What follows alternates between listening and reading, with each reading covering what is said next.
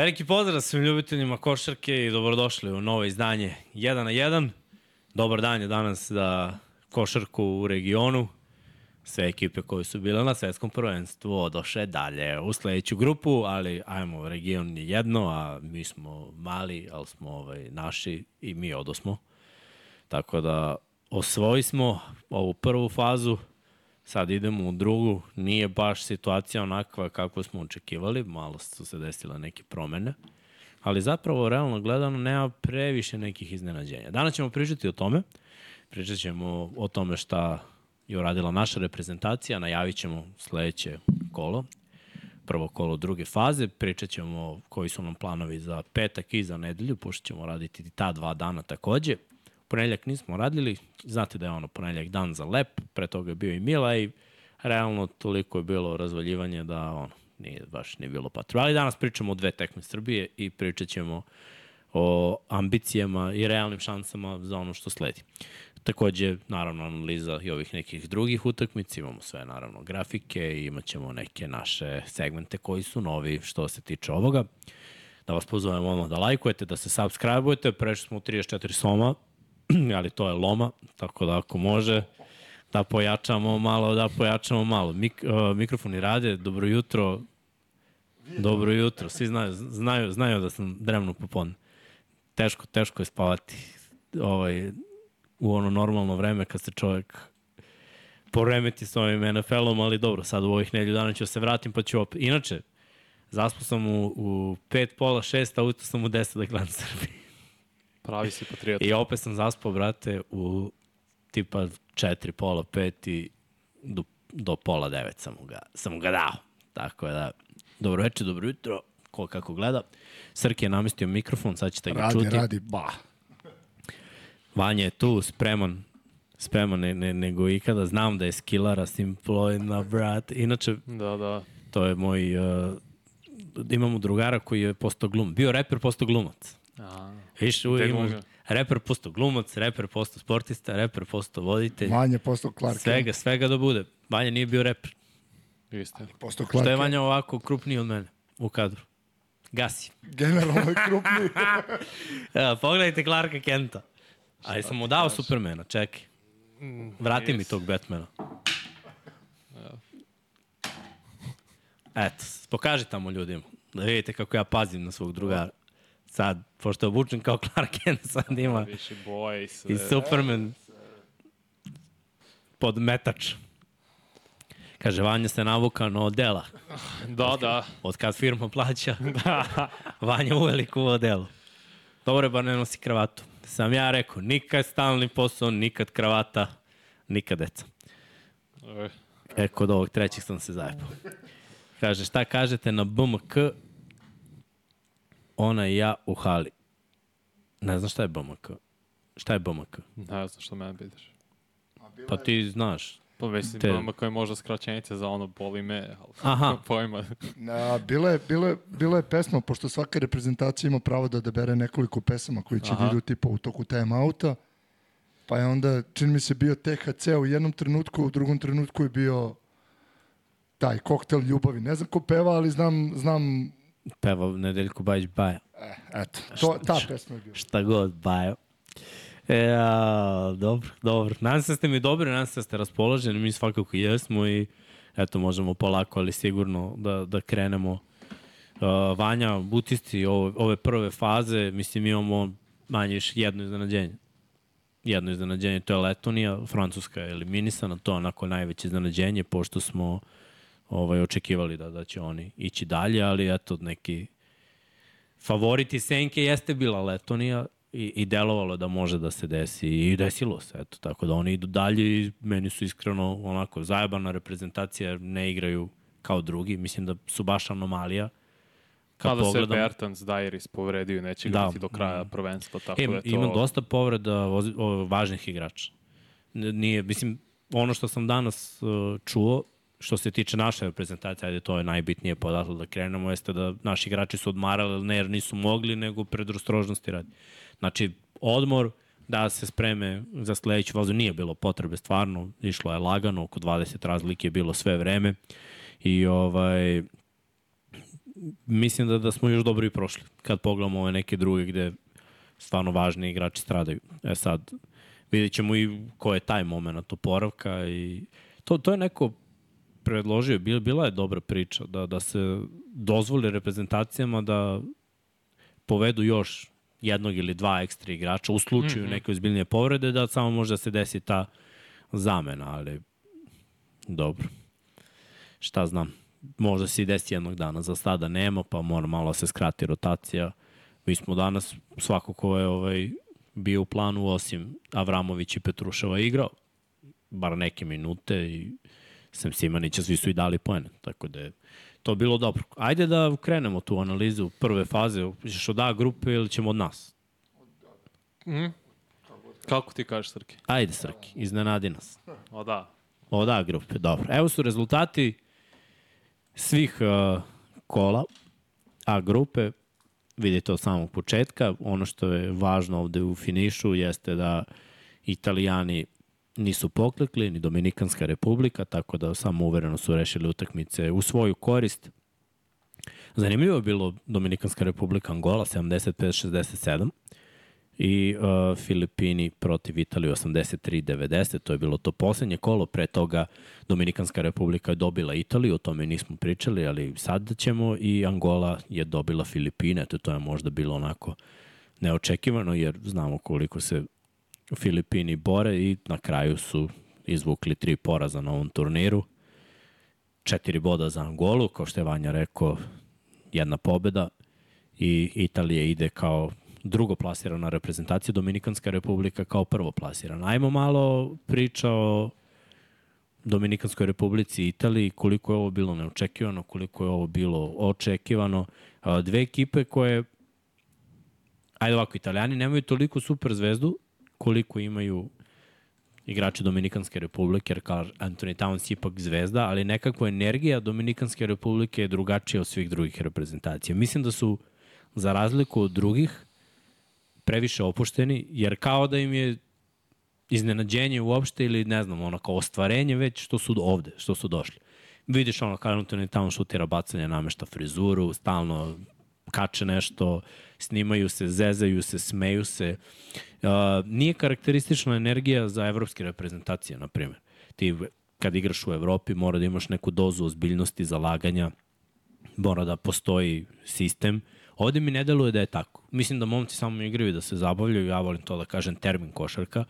Imaju Termin basket. Termin, pa ne, ne, baš košarka, termin. Jer ono 5 na 5. Aha, dobro. Trčkaju, šutiraju, zezaju se, pazi, koriste svog najboljeg igrača. Drugi momci su pronašli neke minute da, da ono, poentiraju. Šuterski su skroz okej. Okay. Mislim da, da, da Italija nije... Da li su ih pocenili ili nisu očekivali taj način njihove igre. Ne znam, nisam siguran šta se tu desilo. Znam samo da, pazi, italijani su već čudni sami po sebi, kao ekipa koja nema klasičnu peticu. Ovde su dobili da igraju protiv klasične petice koja jako dobro šutira s polja i može da se kreće i da razigrava drugi.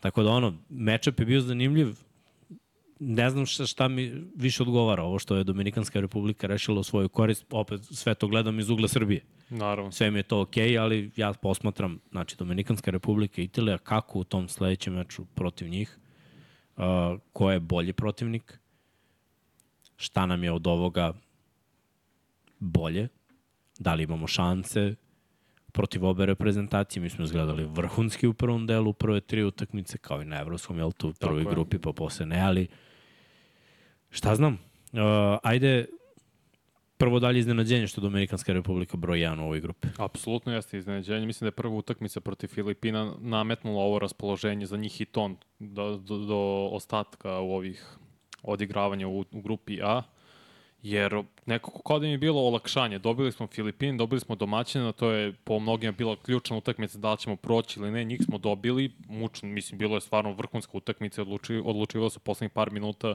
pogotovo to o tome smo prišli kad je uh, Jordan Clarkson imao, napravio peti faul, izašao iz igri, od tada Dominikanska republika igra sa lakoćem, mnogo opuštenije, sve im ide lako, još kad uzmemo obzir nismo oče, očekivali od Viktora Liza možda ovu ulogu niti od Feliza, na primjer, koji je možda uz Karla Antonija Townca najbolji igrač za Dominikansku republiku na ovom prvenstvu.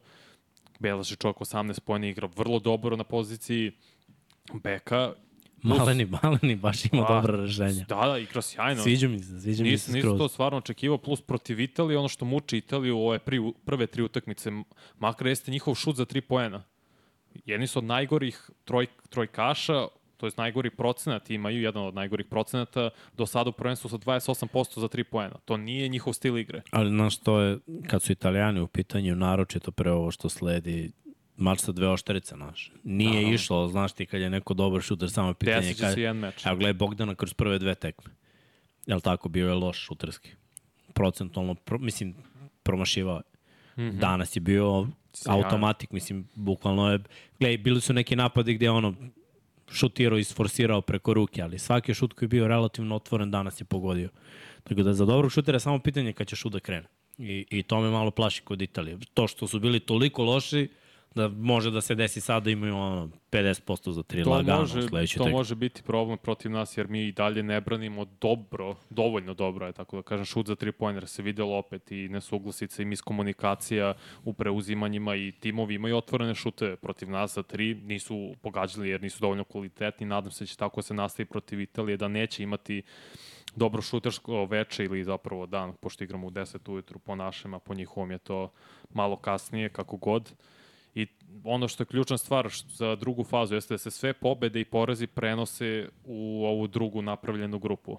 Što znači da i mi i Dominikanska republika imamo, idemo sa po tri pobede, što opet znači nama je realno potrebna jedna pobeda ako želimo četvrtfinale da nastavimo dalje. Mislim, moramo da pobedimo obe, da se razume, da bi izbegli Amerikance u četvrtfinalu, da bi išli ili na Litvaniju, Crnu Goru, Grčku, nevažno ko od te tri reprezentacije ali biće, biće zanimljivo kako će Milutinov da parira Karlo Anthony Town, Anthony Townsu koji često izlazi iz polja, ako ne 70% vremena provodi na liniji za 3 poena i da li će možda Jović u određenim momentima njega da čuva, da li će da se kombinuje Jović, Ristić, Milutinov, mislim da bih pre stavljao Jovića više nego Milutinova, da bi Milutinov bio ta, to prisustvo u reketu i na skoku, jer mi deluje da smo mi makar, pričat ćemo detaljnije o tome, formirali veliku trojku u smislu Bogdan, Jović, Milutinov.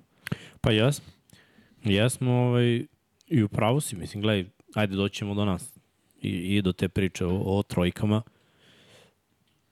Dominikanska republika, brate, može i trojkama mogu da pronađu za razliku od drugih reprezentacija protiv kojih smo igrali kroz svoje talentovane igrači neke izmišljene poene iz reketa, kroz prodore, neke poene kada dobro odariš sve, mislim, i čovjek ti da preko ruke, mislim. Naravno, To to, je- se to je ne nešto- to je Sva nešto što oni sreća- mogu. Izvim što te preknem, sva sreća oni šutiraju kao italijani loše za 3 poena, 29%, što je super za nas. I verujem da će naše iskustvo dosta značiti u drugoj fazi. Ne znam, moramo da vidimo prvi put se nalazi Dominikanska republika predvođeni Towncom u ovoj situaciji. Mm. Da se sad smatraju za favoritom da prođu u četvrtfinale.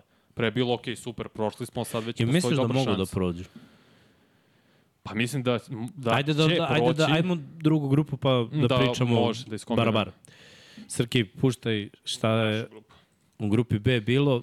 Srbija u drugom kolu bila ubedljiva u prvom poluvremenu protiv Portorika, međutim drugo poluvreme naročito, treća četvrtina ozbiljan pad ritma, pad koncentracije i Portoriko je jedna od tih reprezentacija koja ono, juri, šutira, uvedu. Znaš šta, mi nismo imali, osim eto te četvrtine, i malo isto je bilo protiv Južnog Sudana, isto kada smo ovaj, Mm -hmm. gubili u, je- u jednom delu. Redko kada, ali dešava se, upadamo u ritam protivnika. E sad, nismo imali ekipu koja zna svoj ritam da diktira lupom dve četvrtine bar. Znači, ove ekipe protiv kojih smo mi igrali jedva se izbori za jednu četvrtinu diktiranja sobstvenog ritma.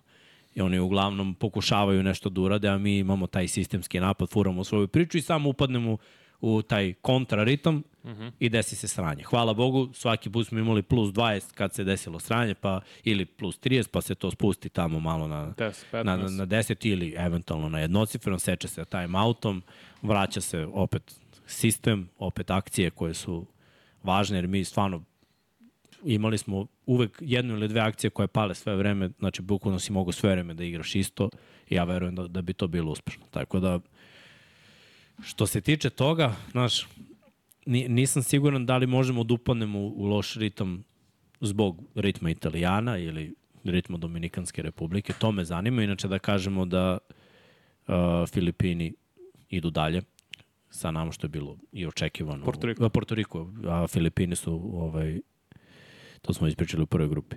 Porto Riko ide sam se dalje, Južni Južni Sudan Sudan. je imao šansu, da je Kina pobedila Porto Riko, A prvi meč to nije. odlučio. Oni su to izgubi, ispustili pobedu Da. protiv Porto Rika i to je zapravo... Pazi. Silno sam navio ono što nije, ono što nije dobro, Nisi svestan koliko... ono što nije dobro jeste da nam je, brate, Porto Riko i Južni Sudan da su nametnuli veliki broj trojke. Naročito danas Južni Sudan. Da, da.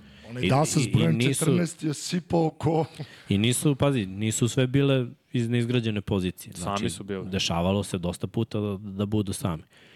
Jednostavno, kvalitet, dubina, mi imamo tu dubinu koju redko ko ima i imamo stabilnost kad nam je Milutinov na, na poziciji 5. Znači, kad je on centar, mi imamo neku sigurnost u igri. Znači, svaki put iz pika, znači ne igramo pick and roll, on odigra pick and roll s bekom, ide dodavanje na trojku i umesto da se otvara na pasu od prvog igrača kome je pravio blok, uvali guzicu pod koš, ugura centar ispod table i onda mu drugi bek uglavnom sa čeone pozicije doda loptu dole i bio ili faul ili koš svaki put. Znači svaki put. Tu akciju smo mogli da igramo 20 puta, brate, on bi imao 40 pojena. Znači, bukvalno. Imali smo dosta otvorenih šuteva za tri. Danas smo šutirali nestvarno.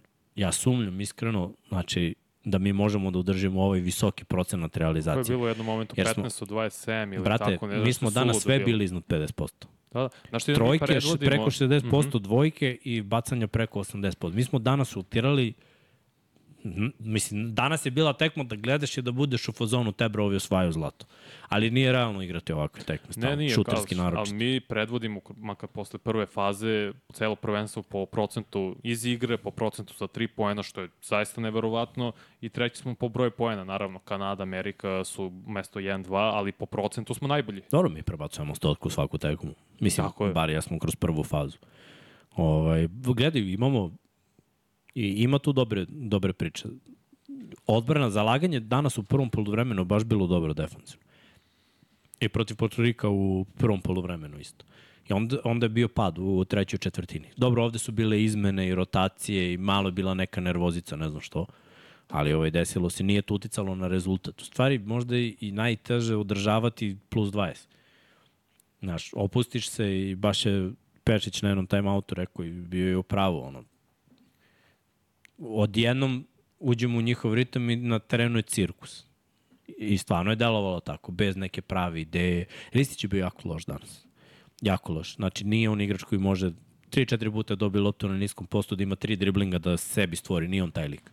Znači, on je pick and pop lik i da mu daš na tacu. Nema tu driblinga dok radi leđima, jednostavno nije takav igrač, nema tu tehniku. To mi se nije svidalo danas. Dobro, Ristić zaista, kad pričamo o njemu i Milutinovom, Milutinov mora da igra 32-33 minuta. A pazi, kod To- nas niko ne igra te minute. Ja znam, ali ako mi mislimo ovo sad ozbiljne utakmice, Dobro, bila- počevši... Bila je prva faza. Mo, možda Možda je to, Možda je to. kažem. Ovo je sad druga faza, mnogo zbiljne utakmice i bitnije, pre svega počevši u petak protiv Italije u 10 uh, sati ujutru. Milutino mora da igra minimalno 30 do 33 minuta po utakmici.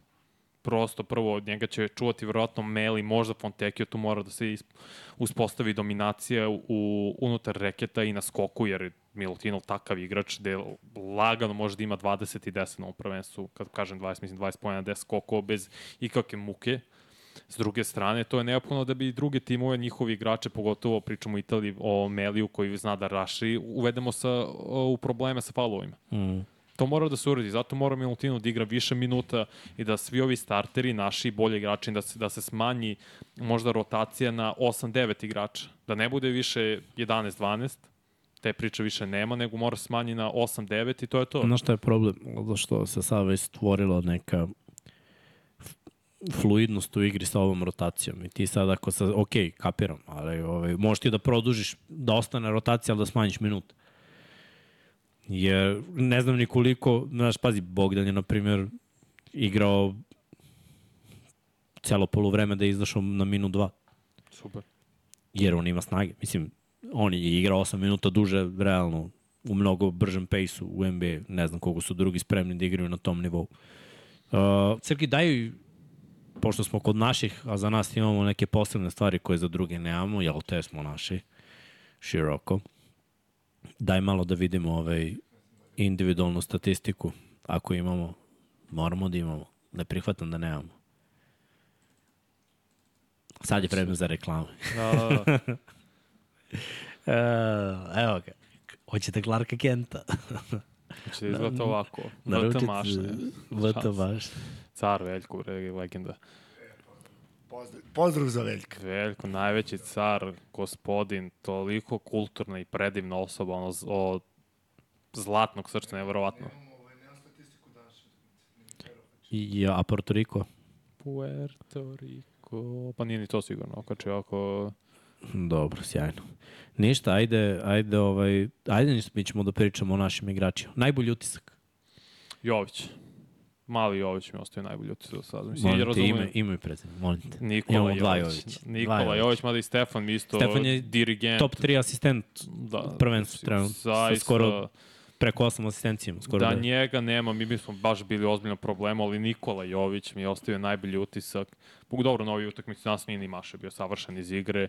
I ta njegova energija i sposobnost da širi teren konstantno, da čeka na liniji za tri pojena, opet ide na skok, konstantno da se bori, da povuče kontru, to ono što stalno pričam. I ne umara se. Vidi si to opet. I on je igrao NBA. recimo. Srgi, možda, pošto nisam na našem akauntu. Uh, pool. Sekund, Jedan, sekund, dva, sekund. tri, četiri. Da niko sređeno i 5 minuta. Bolje Da, odmah reći 15, brat. Uh, ajde da pitamo ljude, pošto vas ima, ovaj, da vidimo kakvi su nam procenti.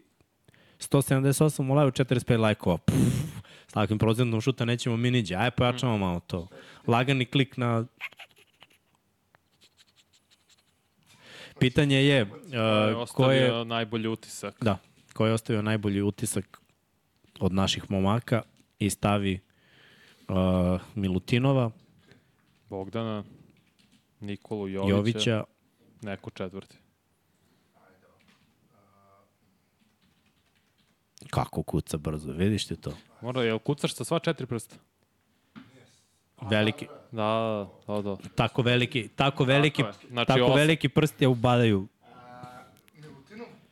Bogdan, Nikola Jović, neko četvrti. Meni Jović, mislim, Bo, Bogdana ovo očekujem da bude ovo što je danas igrao i da ima i devet asistencija, ne nužno svaki meč, ali očekujemo njega od sad pa nadalje između 20 do 25 poena po meču, da ima Da, Nikola Jović, da, da ima po 5-6 asistencija, da bude pravi lider i da se tako nametne. Od Jovića nisam ovo očekivao i baš je prijatno iznenađenje i kako je osvojio. gotivno kad kažeš od Jovića, može i u množini. Da, od Jovićevih. E, od Jovića, da. isto je preko. od Nikola Jovića nisam očekivao i prijatno je osveženje da imamo takvu neku vrstu igrača koja je modernija, koji baš pripada današnjim NBA. Koliko se smeje i uživa s pol strana. Da, dobro, čovjek. Prvo morate ispraviti za jednu stvar. Danas sam baš obratio pažnju na Aha. muskulaturu. Solidno se popravio za godinu dana. Jović? Da, da, solidno Vidiš? se popravio. A, a to kad ga Ne, ne, porediš vidi sa... se, ne vidi se gore toliko, mm -hmm. jer Donji deo tela. donji deo tela, da, baš. I uopšte postura, govor tela, naš mehanika i sve, gotovo uvek prvi u kontri, no, mnogo mi se sviđa. Ali to je ono što, čemu sam pričao. Uh, nije najbolji tim skupina najboljih igrača na papiru nego je najbolja energija. Imamo dobru energiju, imamo baš dobru energiju. Znaš, I opet, ja sumnjam da bi Jović došao ovako da izražaja da je to Jokić, jer onda bi igrali spori pace i igrali bi nešto drugo. Pa zašto misliš? Na, na, na primer, mislim. pa, mi mislim da Razlika između Milutinov i Jokića. Jokić mora da ima mnogo više loptu kod sebe u rukama, a Milutinov ne mora. Milutinov može napravi blok i da dobije loptu na tacni, a Jokić mora da on povede napad. A ovako imamo mnogo strujanja bekova. Sumnjam, o, razlika je gde struje bekovi. Sa Jokićem bekovi struje po čelnoj liniji kroz reket i ono, imaš izlazne kreće, a ovde idemo okolo, vrtimo konstantno, vrtimo konstantno i onda se nešto drugo da... Malo bi bilo drugačije. Ne, ne mogu da tvrdim da ne bi bilo jednako uspešno. Ja Samo mi deluje da ne bi došao toliko do izražaja. Jer mi sada pričamo o tome da je momak koji prvi put igra na takmičenju zvaničnom za repku, mm. -hmm. meni je najbolji igrač trenutno. Trenutno. Jer je Bogdan bio danas najbolji, ali nije bio najbolji u prethodnim tekmama. Glej, igran, šut ga nije teo. I to je to. Jednostavno mi nije ostavio najbolji utisak. Milutinov mi je konstantno dobar. Ali bukvalno konstantno dobar. Za njega mogu uvek da kažem to je to, brate. Bez njega nema ništa. Jović mi je, meni lično se najviše sviđa on i Stefan Jović zbog momenta dodavanja i koliko lik ne razmišlja o poenima, brate. Danas imao 13 asistencija i imao je ono 4 poena. Organizacija igre, postavlja Ako treba igrače na na pravo prodor, mesto. ako treba na prodor, otići će do kraja. Ako se ukaže prilika, ako se odigra pik i ovi se zalepe za centru, on će dojeti do kraja, nije problem. Ali, ali mi se mnogo sviđa kako je ovo rešeno. To je ono što smo pričali, to pre nego što se pridružio reprezentacijnim prvim utakmicama, pripremnim fali nam klasičan playmaker. To je Jović, Stefan Jović, dirigent, postavlja igrače tačno gde treba da stoje, poziva prave akcije, razigrava druge na jednom vrlo visokom nivou. Vidi se da iz utakmice utakmicu sti- e, stiče što sve više kondicije i to mi se sviđa jer ono nije kompletno on spreman. Mislim da on najviše zaostaje što tiče same sprem, spremnosti, ali vidi se iz utakmice u utakmicu sve bolje izgleda, svežije izgleda, tako je to uvek pozitivna stvar. I nadam se da će Avramović biti zdrav lepo za Italiju, verujem da hoće i on i Petrušev, jer je neophodan Avramović da skine taj teret sa Jovića, kad ga zameni. Jer Abramović ima suludu energiju koja ne može da, da ko, ko, ko ne može da parira niko drugi. On uđe na teren, bam, odbrana, čuvam čoveka od, eh, če, od linije slobodnih bacanja na njihovoj polovini sve do kraja terena. To je to. I to je, to je dobro da Jović ima 25 minuta, Stefan, a Avramović ima tako 15-ak, na primjer. To je dobra sinergija, da mi imamo tu vrstu zamene na poziciji playmakera. Par pitanja. Slušam. Najslabiji utisak. Iz naše reprezentacije? Da. Tu smo, mislim, sad o nama pola sata, pa možemo, samo možemo. možemo dalje. Nećemo prvo trčemo. Mislim, poenta je da se zadržimo na Srbiji što je više moguće.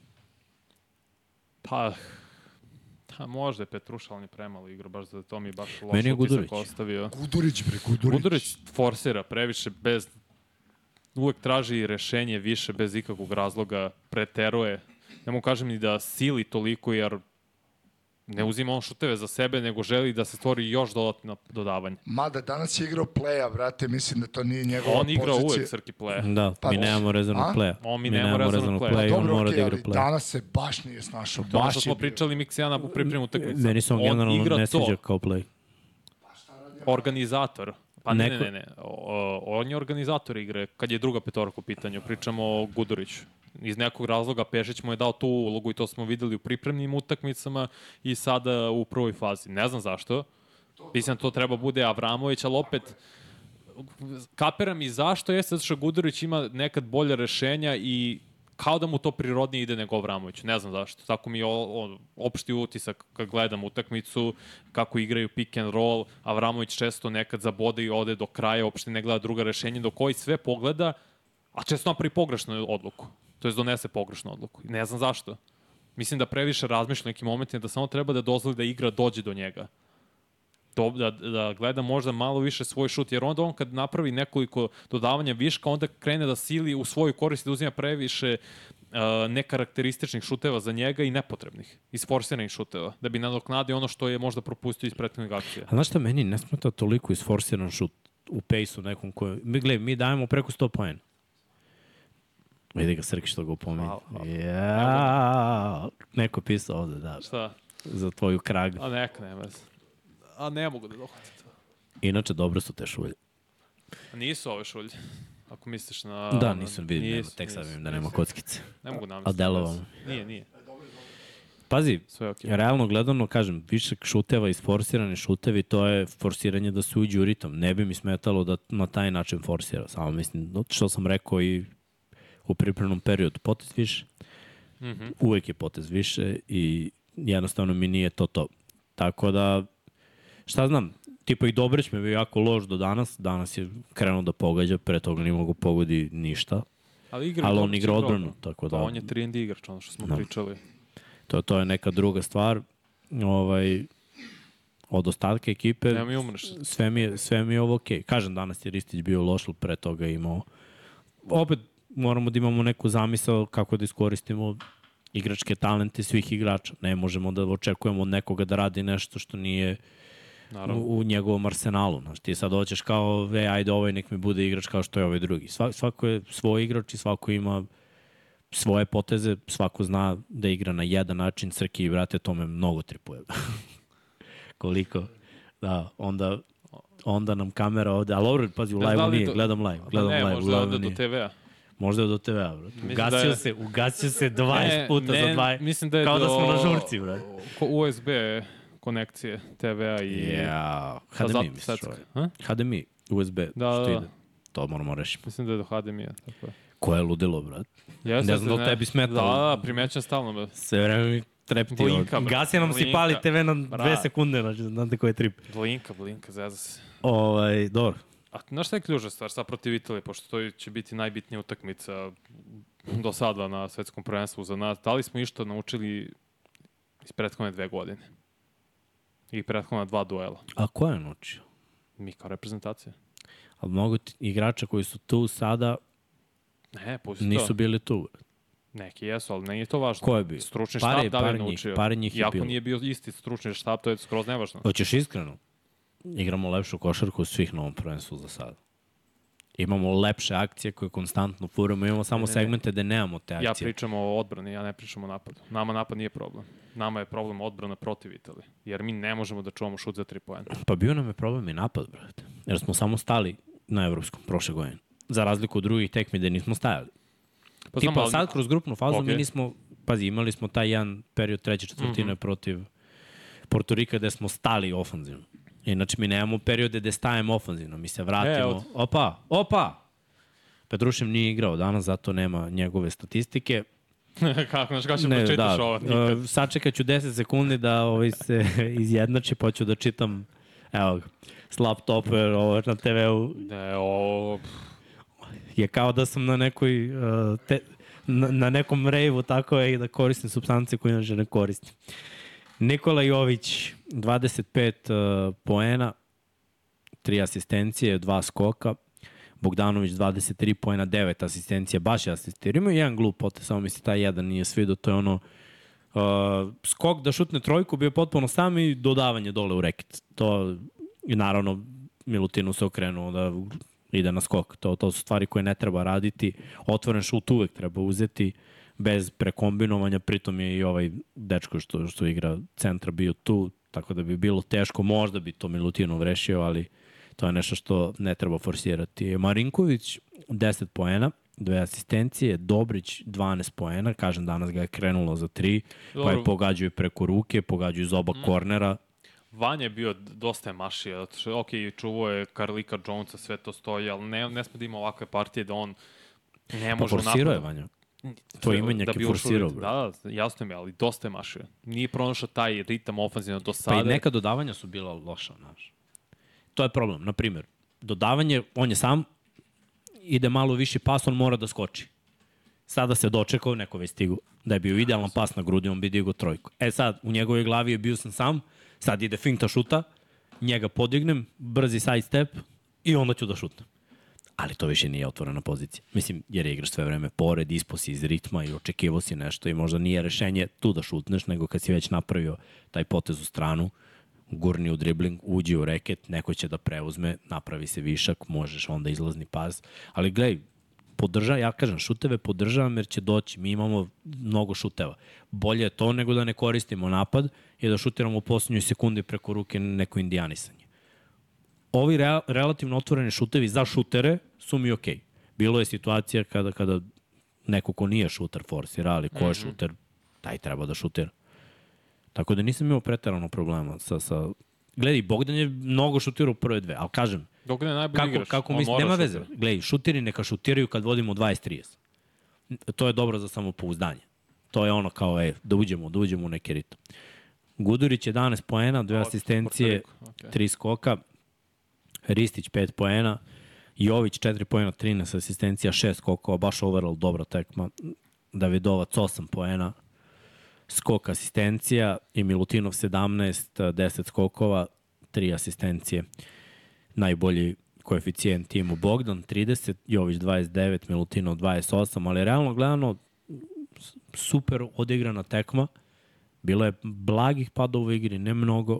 I mislim da sa ovakvim pristupom, pre svega od početka utakmice, može da se igra protiv bilo koga. Ali taj pristup mora da ostane tokom cele utakmice. To je, to je jako teško. I ovo što pričamo o odbrani, sad, je, gled, sad dolazimo do mismatch faze. Nema toga toliko u, prv, ono, u prvoj, jer u prvu rundu dobre ekipe prolaze.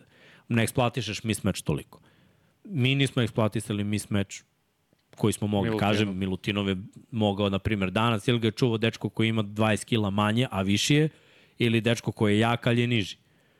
I, znaš, može da se ugura pod koš kako god hoće. Mi da smo eksploatisali mismatch, što treba da radiš u eliminacionoj fazi, Milutinov mogu da ima 40 pojena. Sigurno. Da, da se našutira slobodnih bacanja i da ih ubacimo u bonus i da igramo ono dosadnu utakmicu, nije bilo potrebe jer smo rešili bez toga. To mora da radi protiv Melija i Fontekija. To, to moramo da radimo dalje. Isto tako druge ekipe će raditi to protiv nas. Sad kreće eksploatacija mismeča. Znači, naći najslabiju kariku u petorci, naći najbolji mismeč kroz preuzimanje i forsirati to do kraja. Sva sreća, pa mi, makar mi tako ne deluju u našoj prvoj petorci, nemamo neki mismeč koji drugi timovi mogu da iskoriste olako. Mislim da će ključna stvar biti protiv Ili. I ne mora da bude prva petorka, ali da, ja kažem slažem se da prva petorka je zato, jako dobra defanzivna. Zato sam i rekao na početku, mora prva petorka da igra više minuta sada da ne bi dolazilo do tih momenta je, na primjer, Ristića, će sigurno maksimalno iskorišćavati, uslovno rečeno, i Fontekio i Meli iz, izlačiti ga na šut za tri poena, da brani to, da ispada sporije malo. Prvo Meli je ultra iskusan košarkaš, mislim, stvarno je jedno od pre bio ozbiljno, ozbiljan igrač, sad je malo usporio zbog godina svakako. A ključna stvar će za nas biti protiv Italije kako branimo Tonuta i Spisa.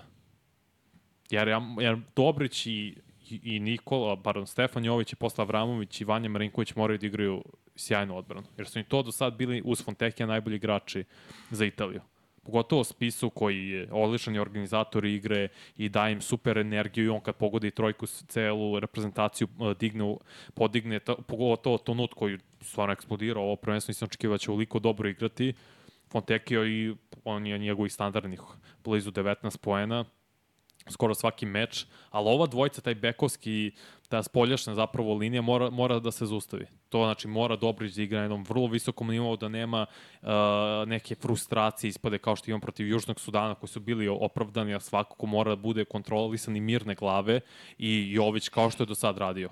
U napadu je maestralan dirigent, kontroliše igru u odbrani, je dovoljno agresivan kada treba, igra dobro odbranu, inteligentno igra odbranu, ne, ne troši se toliko Avramović, kad uđe se zapravo najviše i troši i daje sebe u odbrani. To isto mora Vanja Marinković koji mora da popravi šut za tri pojene, mora tu da bude, pogotovo protiv Italije, e, sigurni i konstantni mi moramo da računamo na njega i njegove 3 do 4 trojke. Ne, ok, možda 4 mnogo, ali 3 trojke mi moramo da računamo od Marinkovića i od, uh, koji ulazi sa klupe. Dobro. To će biti ključna stvar. Ima, mislim, ima smisla. Ajde ovako. Kako god, ajde druga petorka. Koji mismeč italijani mogu da iskoriste najviše? Pa ćemo posle u Dominikanskoj republici. Pošto tu oni imaju mismeč. Tu ćemo se namučimo dosta. Ne znam u kome stanju Petrušev. On je, on je relativno pokretljiv za, za svoju visinu i mogao bi da parira Townsu ali Towns ima te Znaš šta, šta je zeznuto kod Towns? Mnogo je teško čuvati igrače koji ne skaču prilikom šuta. A on ima i sidestep i, i ima ono dobro pomeranje lopte kad ne spusti uopšte dribling jer sve radi gore.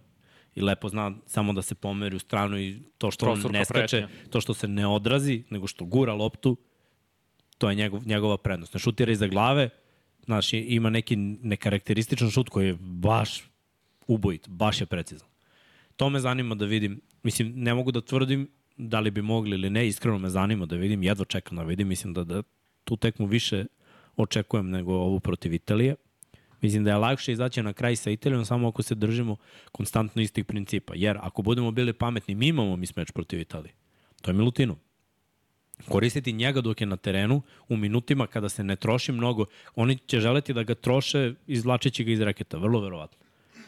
Ali mi na to treba konstantno da odgovaramo pametnim spuštanjima. Ako oni žele da ga udvoje, neko je sam na trojici. Bilo je prelepih dodavanja. I danas je Milutinov ima možda jedno od najboljih dodavanja zapravo ovo za Davidovac što mu je spustio kad je fintirao izlazni pas na tri, ispustio mu pod koš. To ima i Bogdan lepo dodavanje. I moje, al, ali ovo je bilo, znaš, ono, desnom rukom, loptu u desno, tri igrače poslu po burek i ostavio čoveka samog, samog, samog. Od Bogdana očekujem. Bogdan igra u, u, u drugoj ligi, Bogdan je bek. Od uh, centra, znaš, ni, nisam to baš očekivao.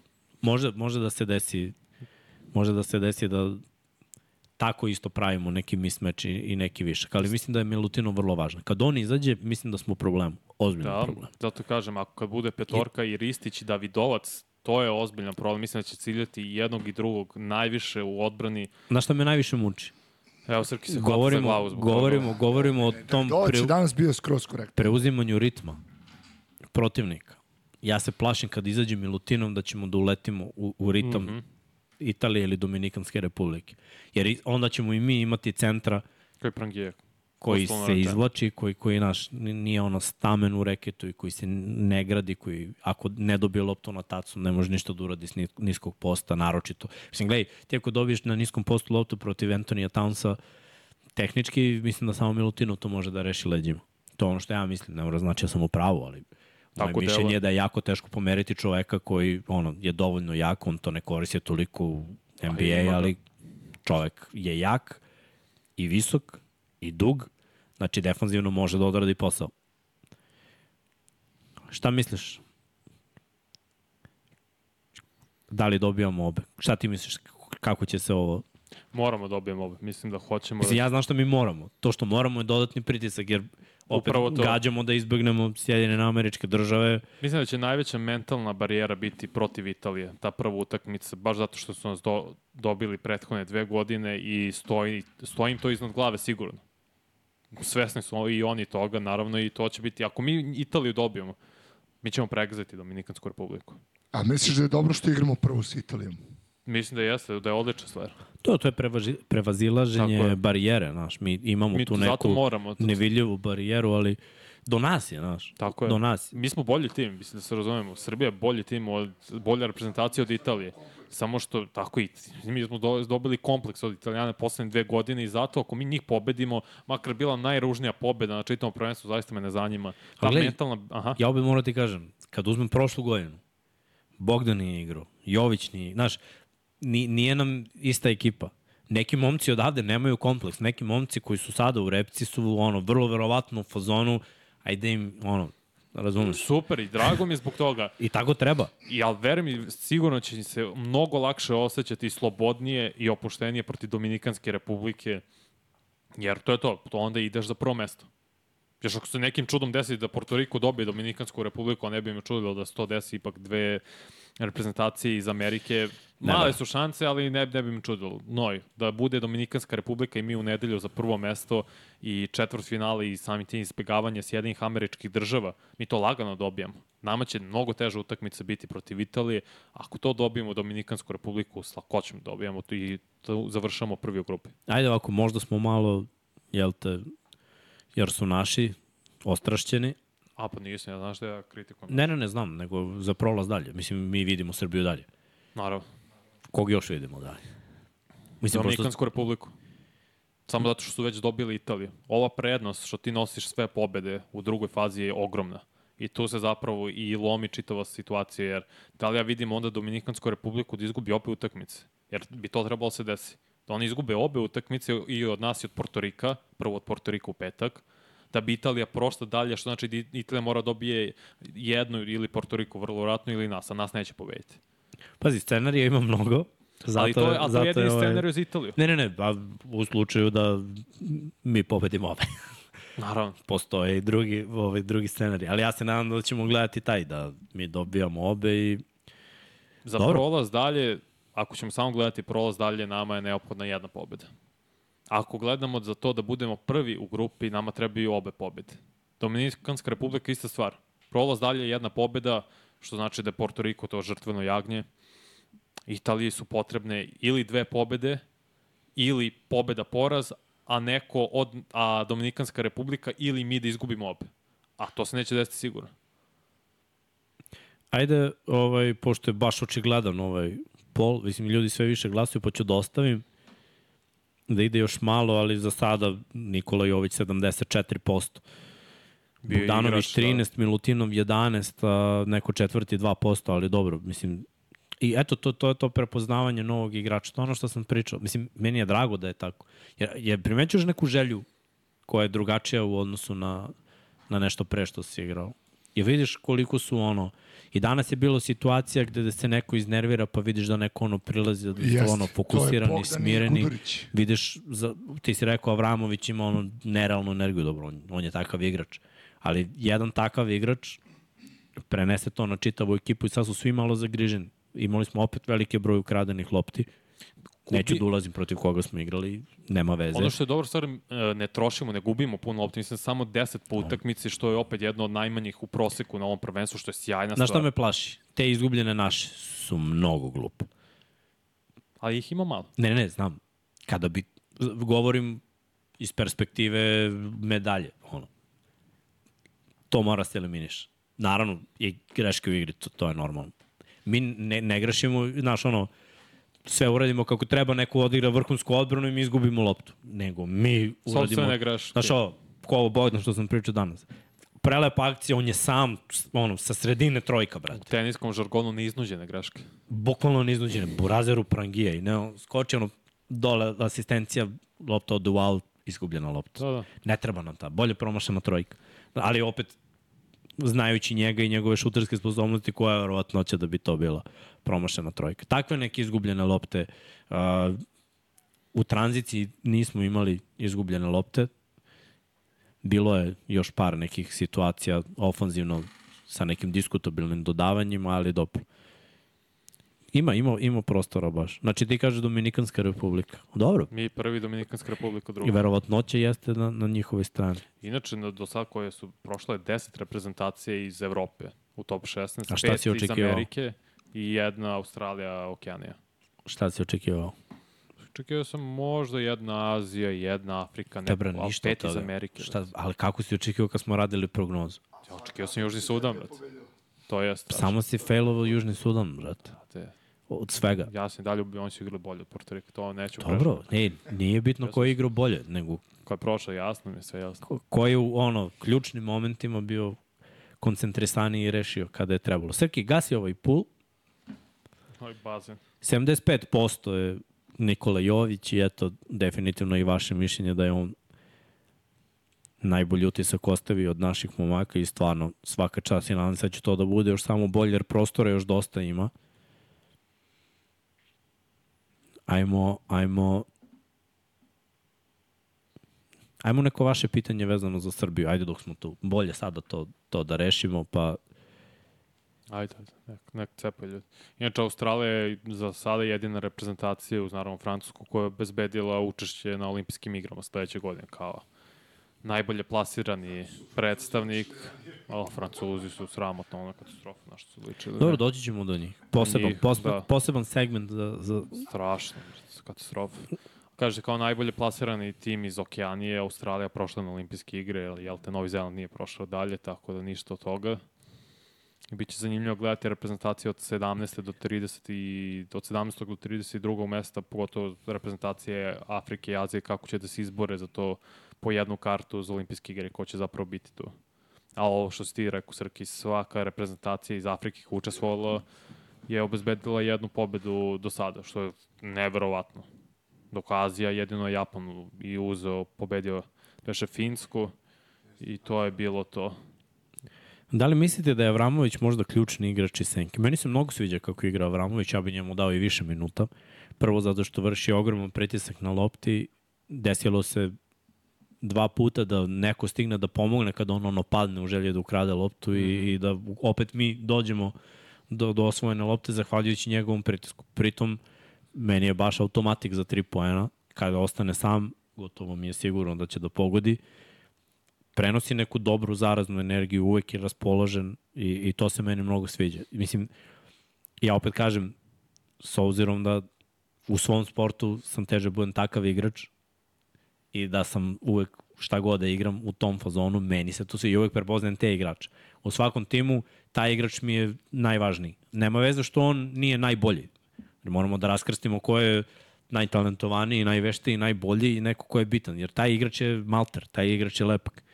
Naravno, bez dve cigle nema ništa, ali između njih, ako nema maltera, to se raspadne. Pogotovo ako igraš sa klupe i zato je, mislim, za sada ima preko 16 minuta Avramović, ali protiv Italije će on biti ključni To ti igrač. kažem, ja ne znam, da ne znam koliko će, ne znam koliko će biti. A gledaj, ti kad imaš, kad te neko davi na prenosu lopte, Upravo to. on ti isključi, pazi, ti ti možda se oslobodiš lopte i da trčiš, on te davi, on igra flaster, smara pored tebe je, probija se, čačka tebi, izbacite, brate, iz iz nekog ritma, iz neke lagodnosti tekme, uđe ti malo u glavu, ako promašiš dva, tri šuta, Znaš, ti ako pogodiš dva, tri šuta, boli tu, ali ako promašiš dva, tri šuta, onda kreće frka nervoza. I onda taj igrač ti pljasne s druge strane dve, tri trojke, jer si ti ono kao ovaj, samo defanzivni igrač. Pritom Alex lepo rešava prodore, znači to mi se isto sviđa. Dobro, ima dobru pick and roll igru. Da, tako da Dobro rečenje. on je meni jako dobar igrač iz Senke. Stvarno bi voleo da ta povreda nije bilo ozbiljna. Nadam se da ovo odmaranje je bilo samo predostrožno, samo da ono kao se odmori jer nije bilo potrebe. Uh, uh, uh, uh, uh. Dobro, vidim da ste dosta, nekoliko puta ste, nekoliko puta ste pit, ovo, za Simonića da je on najslabiji utisak gostio. Brate, za dva minuta ne možeš da ostaviš utisak. Da. Da. Nemojte me shvatite pogrešno. Ali uđeš dva minuta, pitanje je da li će dirneš, dirneš loptu, nećeš da budeš lik koji je pipnuo loptu i šutno, jer će onda svi da kažu, e, ovaj željnik uzeo loptu i šutno.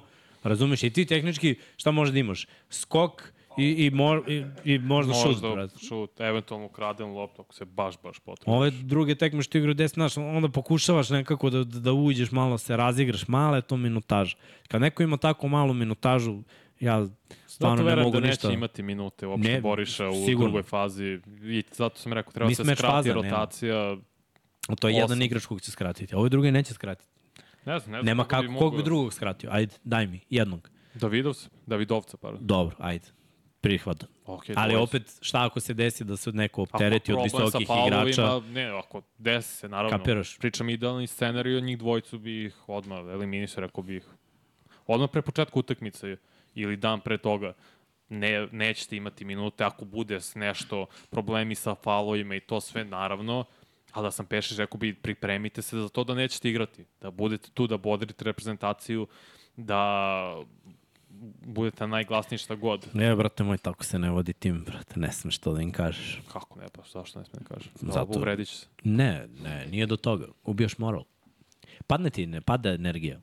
Pada energija. Pa redki dobro. su, pazi, redki su oni koji mogu da, kao štimara, brate. koji mogu da sede na klupi da budu u fazonu, znaš, ne moram da uđem.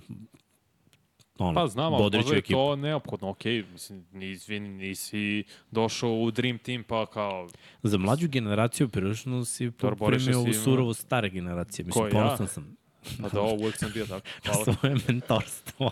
Pa, ali mora Uvijek tako. se zalažeš za igrače, vidi ga sad. Kao, Pa dobro. Sedi na klupu. Pričam, mora da sedi. pa, Samo želja nis- da uzme medalju. Tako je se rezultat bitan, izvini, nisi Uvijek je dovoljno, rezultat bitan u svakom takmičenju. nisi dovoljno dobar, potrebno mi je da podriš tim ovu utakmicu je tako da prineseš reprezentaciji. Šta može Boriša Simonić da, ura, Simonić da uradi Ma ne za njega. Ili Davidovac? Gle, razlika između 2 minuta i 0 minuta je bedna. Znaš, razlika između 10 minuta i 0 minuta je ozbiljna razlika, jer neko drugi treba da pokupi tih 10 minuta na visokim pozicijama gde smo generalno tanki. Ali okej, ja bi svakako Joviću i Milutinovu pojačao minutažu, to je ono što bi ja uradio. Da li je Vanja popravio mišljenje o Pešiću? Timeouti su bili ok, pričao realno. Ljudi, Pešić je vodio sjajnu reprezentaciju i na evropskom u prvoj fazi da smo imali 5-0 i briljirali. Mislim, igrali smo i tada najlepšu košarku na prvenstvu, da se razumemo. Mi, ja nemam šta popravim mišljenje. Pešić je on naš, naših najboljih trenera ikada. Donao mi je dve zlatne medalje, 2001. i 2002. Sve to okej. Ja samo mislim da je njegov sistem i način razmišljanja malo zastareo za današnju košarku. To je moje mišljenje. I Ali nadam se fora? da nisam u pravu i da ćemo uspeti da doguramo. Jer Jeste, ne, ne- nema veze su, da su pravi, nije, za- zastareo je. Ali ne znači da zastarelo nije efikasno. Znaš, na primer, kada bi uzeo Rolls Royce od pre 30 godina, on je zastareo, ali te, brat, to se neće pokvariti, to, to je pouzdano. Mislim, naša igra je lepa i, i naša igra, ako igramo sistem i ako igramo uvek akciju koja je dogovorena, akcije ko, koje smo ono isplanirali, akcije koje znamo i koristimo mismatch. Mi možemo uvek da rešimo svaki napad. Problem je do improvizacije. Modern sistem neguje improvizaciju. Zato što imaš igrače koji mogu da improvizuju. Ja nisam siguran da mi imamo... O, gledaj, čak i Bogdan koji da kažeš igrač koji bi kod nas trebalo najviše da improvizuje. Nisam siguran koliki je nemamo, improvizator. Ja mislim da, da, da mi to nemo. Ma, pusti slobodu, slobodu možda daš nekom. Evo ti, brate, Pa, reši napad. neće da je uzme. Ali, ali razumeš, ni, nisam siguran da bi Bogdan radio bilo šta drugo sem par vezanih driblinga i šuta za tri poena.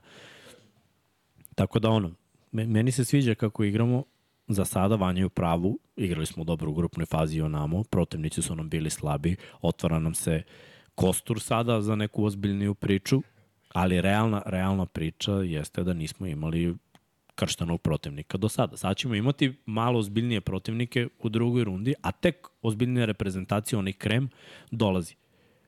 Pa ćemo ovaj, o tome dalje.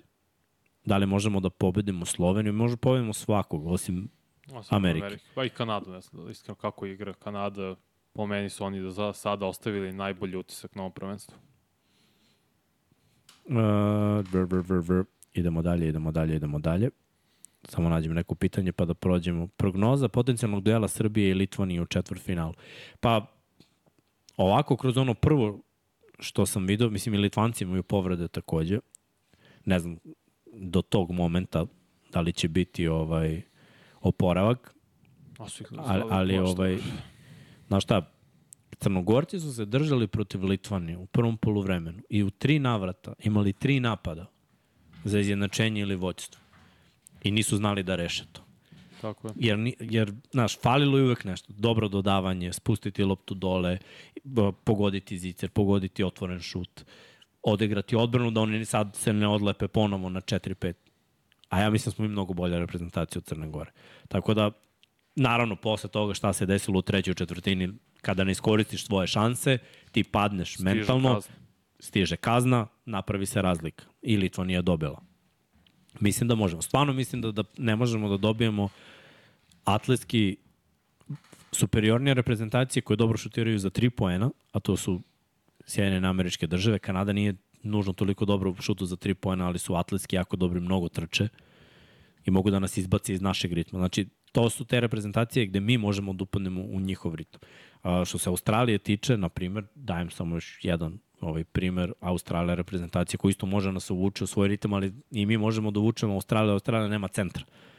To je njihova mana. I onda mi možemo da E, mada nametnemo... Xavier Cooks izgleda... Gledaj, okej, Izgleda odigrao je on, jednu tekmu odigrao, priznajem. Ne, i drugi, prve dve isto ovo je okej, dobro. ali nije igrao Igrao vrhunski. Ne, ne, nije igrao protiv centra i protiv sistema kao što je naš. Da. I, Da, Jel tako? si pravo. Naravno. Mislim da, ne znam da možemo da igramo i pred može. Polufinal.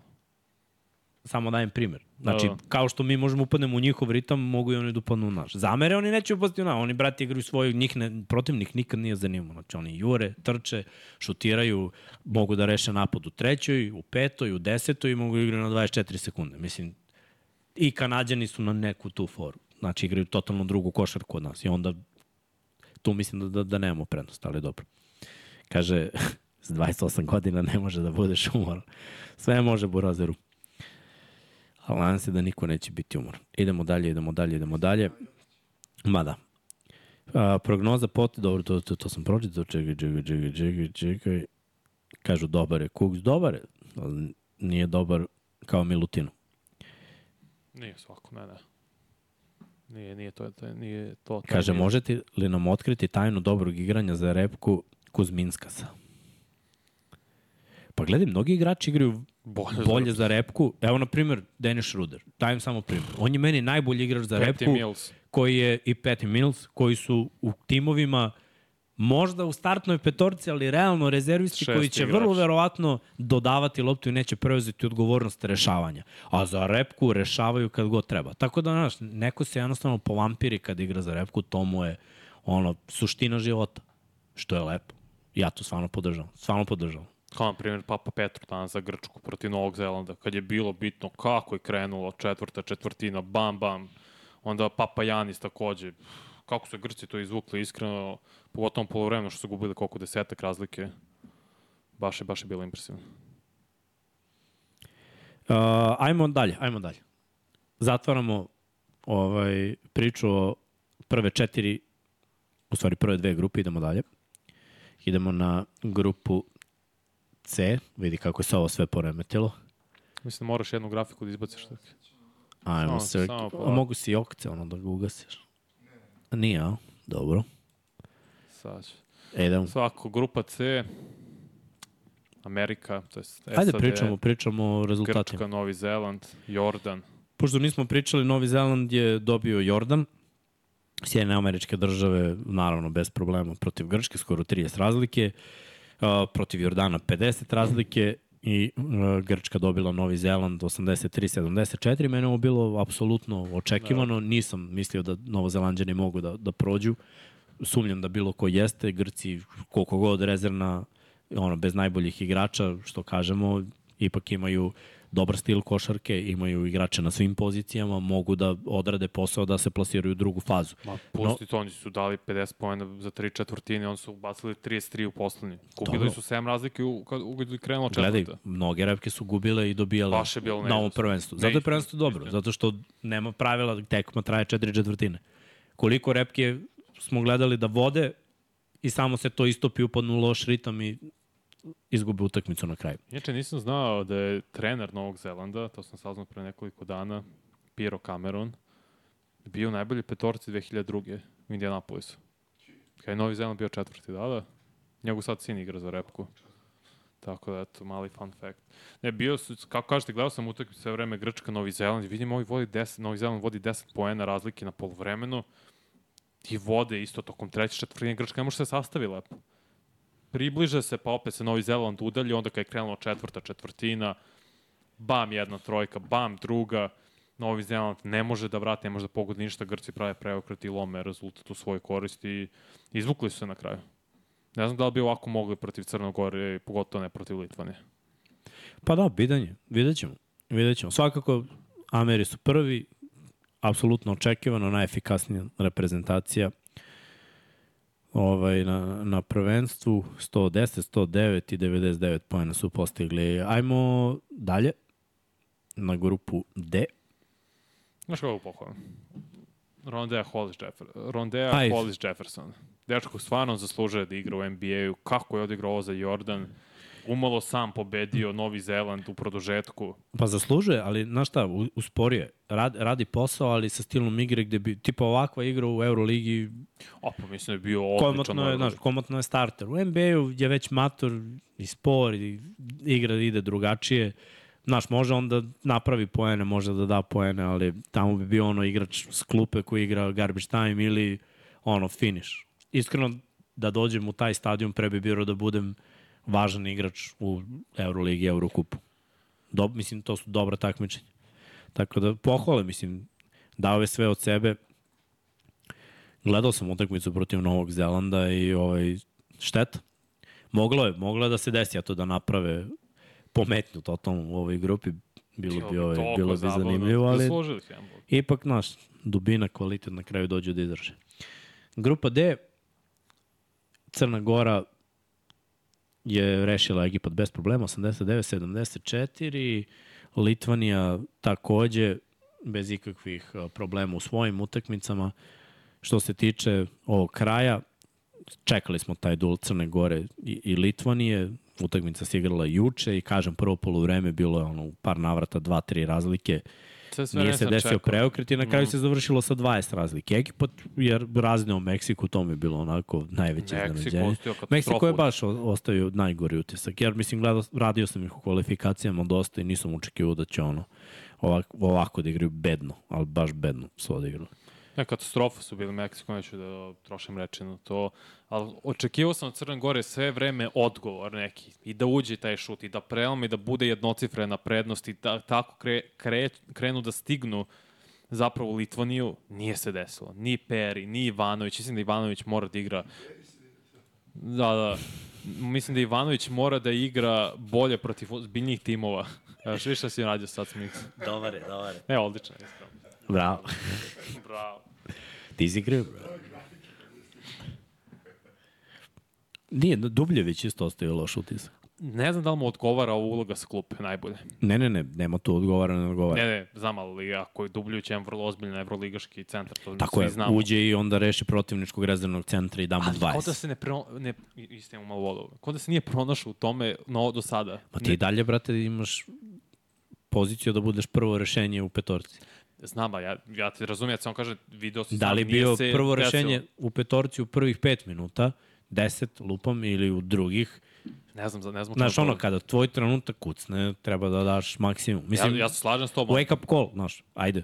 Sad mora bolje, jer nije bilo dovoljno dobro. Šta Da je bilo, Mhm. bilo bi drugačije. Znaš, o, vidio sam jednog Valenčionasa koji se slabo kreće da, da je rešavao. E, a više Valenčiuno za repku isto igra, Igra, da. mnogo dobro. Dobro, nije ko ova trojica što smo ih izdvojili. Nije, ali su, igra bolje. Oni su vampiri, ono, kad je, kad je repka u pitanju, ali da, Valenčiona za repku. I sad je situacija sledeća. U, ukrštaju grupa Daj C i Srki D. ovu fuziju. Fuziju ove grupe, ako ti nije problem. Uh, C i D, znači to je grupa šta J, ja mislim. I, J, K, L, I, J. Ajde, samo ti polako. Ajde, tamo, manje Amer- da četuješ sa ribicama, da. Više da puštaš grafike. Svakako Amerika je tu tri pobede kao i Litvanija i bit će težak posao za Crnu Goru i za Grčku. Jer slična priča. Zanimljivo da inače svaka grupa od prvih osam iz prve faze ima reprezentaciju sa sve tri pobede. Tako da su to te reprezentacije maltene korak već u četvrfinalu. Ali J. Amerika, Sjedine američke države, Litvanija. Ali zato šta je korak za Crnu Goru, ok, kao komšija, ovo, sad raspored ko s kim igra, mislim, ja ne mogu Ameriku da pobede nikako. Za SAD, mislim, to piši poraz. Smo mi pustili ovo za našu grupu? Nismo, imamo sve na kraju. Da, ne, ali ne mi smo veze. tražili grupu. Ne, ne, ne, da, da. Nema veze, vratit ću. Vratit Ajde da najavimo. Znači u petak 10.40 Sjedinjene američke države protiv Crne Gore, a od 14.40 Litvanija protiv Grčke i onda u nedelju imamo Grčku i Crnu Goru i Sjedinjene američke države i Litvaniju. Znaš kako, ključna stvar za Crnu Goru jeste da Grčka pobedi Litvaniju. Tako se otvaraju vrata i za Grčku i za Crnu Goru da prođu u četvrtfinale kao drugoplasirana ekipa, jer ako Litvanija pobedi Grčku, oni su obezbedili sebi, ako Amerika pobedi, obezbedili su sebi četvrtfinale i samo je pitanje onda u poslednjem kolu ko će biti tu prvi. Očekivanja? Amer i Litvanija. Pa da, to, to ho- žarko želim da kažem Crna Gore, da se držimo onog što sam rekao na početku, ali ću raditi novu prognozu kad prođemo sve ovo na kraju i očekivanja od druge faze nadalje, ali kako sad stvari stoje, ne vidim način kako Grčka može da pobedi Litvaniju i tako da učini o, ovu grupu zanimljivo. Jer je to glavna utakmica. Ako se to ne desi, sve ostalo ide kako i već i zamišljeno, kako ćemo, smo otprilike prognozirali sada, ali ako Grčka pobedi Litvaniju, e, to je onda opšti haos nastaje u grupi i tu treba Crnogora da pronađe, da zapravo pronađe svoju šansu protiv Grčke u poslednjem kolu i da obezbedi drugu poziciju. Da. I koš, Nije. onda mislim onda se zapravo ukršta uh, međusobni skor i koš razlika u tome. Problem za jel te Crnogoru jeste što su gubili 20 od Litvanije. I to će možda biti nedostižno jer onda oni trebaju da pobede Grčku 20, a da Grčka pobedi manje od toga. Mislim, sad malo parafraziram i banalizujem si- situaciju, ali otprilike je tako. Dobro. Idemo dalje. Daj sledeću grupu. Grupa E. Finska je onako podbacila baš, to mi nije bilo očekivano. Australija i Nemačka očekivano idu dalje, jebi ga, ipak kvalitet. Uh, Nemci dobili Australiju u vrhunskom, možda jedan od najboljih utakmica. apsolutno. Ali dobro, namestile su se grupe. Nije nigde bio odnos snaga takav kao u, o, kao u ovoj grupi, možda u Litvanija, poslednjoj grupi. Kanada, Letone, to je trebalo, ali Pa Francuzi ni- su... nije to taj odnos snaga. ali Francuska, Francuska Letonija, Kanada je trebalo, ali nije... Ovo je ono odnos snaga da kažeš obe ekipe mogu do, do polufinala.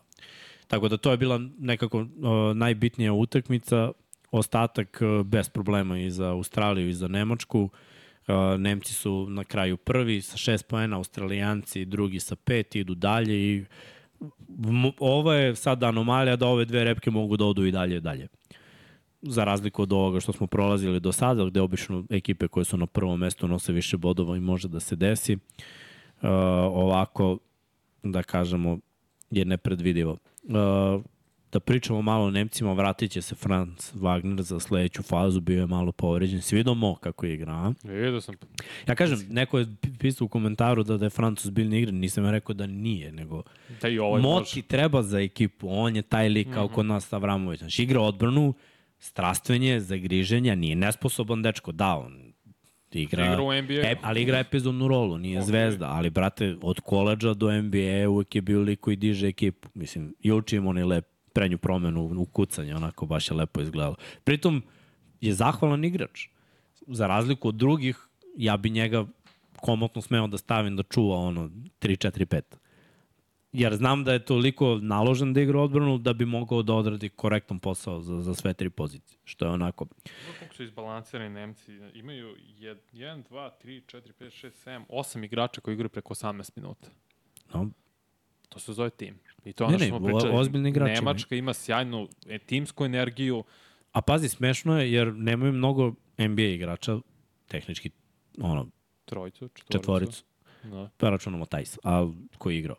Ovaj, kad pogledaš ostatak, ostatak ekipe, to su momci koji su se u posljednjih par godina kroz Bayern, kroz ekipe koji igraju Eurocup, Euroligu i Nemačku ligu, Izvini, devet igrača igra preko samo. Oz, ozbiljno su napredovali. Znaš, i, I sada je samo pitanje ko će da proradi u koji tekmi.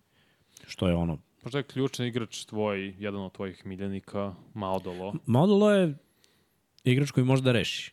Ako uđe u Upravo to. ritam, Maudolo je, je zajeban igrač za čuvati. Mm -hmm. Jer ima ima arsenal naš. I dobar prodor i zna da šutne.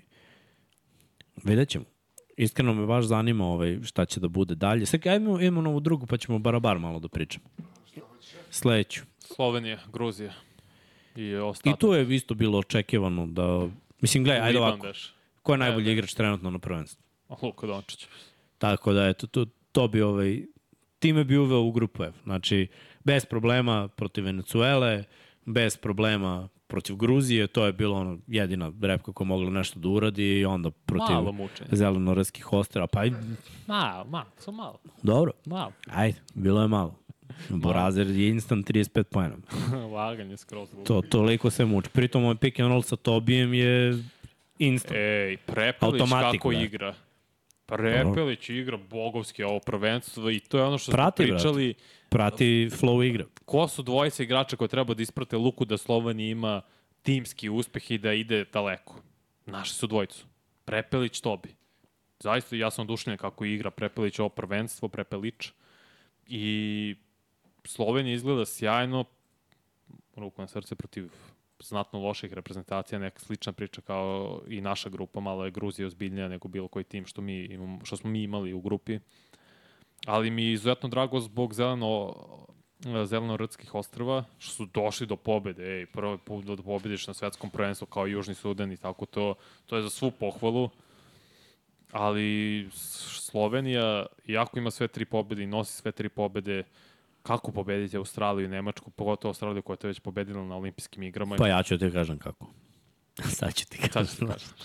ovaj, Luka još bolje od ovoga. Ako će neko napraviti triple-double na svetskom, to je Luka. Stvarno. Nikad nije bilo da Mora, mora da, raz, pazi, razigrava. On razigrava, igra i odbranu, krade lopte, doduše, ajde, bila je slabija faza, vidjet ćemo sad u malo boljoj fazi. Moraće da da koliko je davao ovamo, znači da izgleda tako i protiv boljih ekipa defanzivno, ali ovaj, i da pomogne dosta u skoku i da povuče u tranziciji svojim njegovim dodavanjima koje su stvarno prelepa, ali i da ima asistencije. Jer gledaj, kad imaš najboljeg igrača na prvenstvu, meni stvarno delo da je on najkompletniji igrač Apsolutno. na ovom prvenstvu, Ide on, on pa šaj. ti imaš šansu da dobiješ i bolju timski, ono, timski bolju reprezentaciju koja ima veću dubinu. Šta je potrebno? Veći minuti, kondiciono je spremno. NBA igrači su kondiciono spremni da izdrže 40 minuta lupam, stavim mu 33 minuta da igra, nek se odmara A, lagano, 7, ima 35, poluvreme i pauzu između četvrtina, odradit će on taj posao i opet odradit će ga na visokom nivou. Sa, samo je potrebno da i ovaj ostatak ekipe nastavi da bude na tom nivou, što si rekao. To bi Prepelić, ali i svi ostali. Na- Znači mora da bude više. Srki, daj nam fuziju ove dve Da, grupe. na. Inače, sve utakmice druge ove faze se igraju petak. i u nedelju. Sutra se igraju utakmice od, sed, ovog, od 17. do 32. mesta i tu se formil, formirale grupe i u subotu, a petak i nedelja svi igraju. To je, da, Da. i. Lomenjena opreza. Znači, E, Slovenija E, 6, vidiš. Nemačka 6, Australija, Gruzija. Pa daj nam raspored. ne, super što sam im ovo dao, može sad i raspored. Tako da znamo da, da Slovenija i Nemačka imaju više. Šta je potrebno tipa za, za Australiju da Dobiju dobije obe. Sloveniju i... Dobiju obe.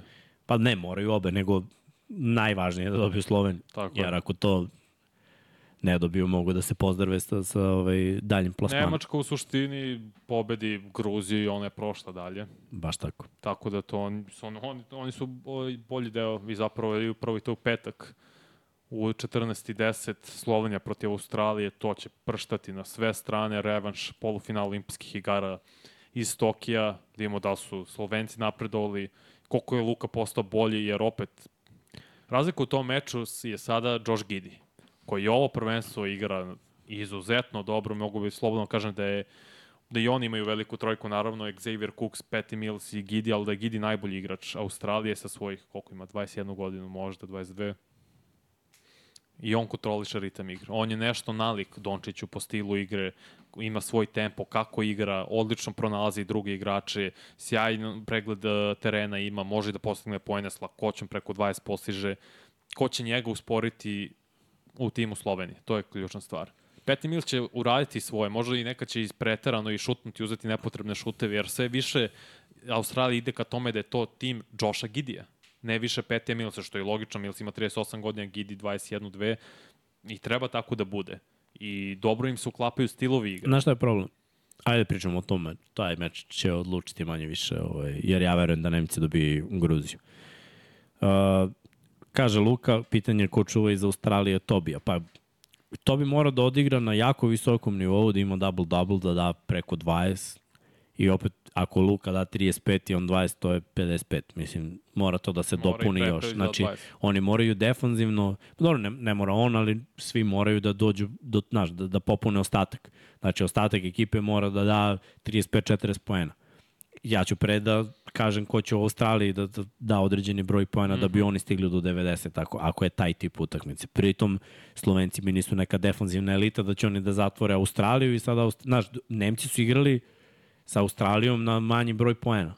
Ali, 85-82 je bilo. ali oni imaju igrače, znaš, koji ono, igraju dobar, imaju dobar pritisak na lopti. Deluje mi da su bolji atletski, generalno dubina opet ima, ne, ne, ne da izdvojim jednog pojedinca i da kažem. Znači, ne samo ofanzivno, nego i defanzivno treba spustiti Australiju na manji broj poena. Koje su ti očekivanja? Imamo još jedno pitanje, samo da to odgovorim. Kaže, može li brzinski komentar zašto istu ravan stavljate Euroligu i Eurocup?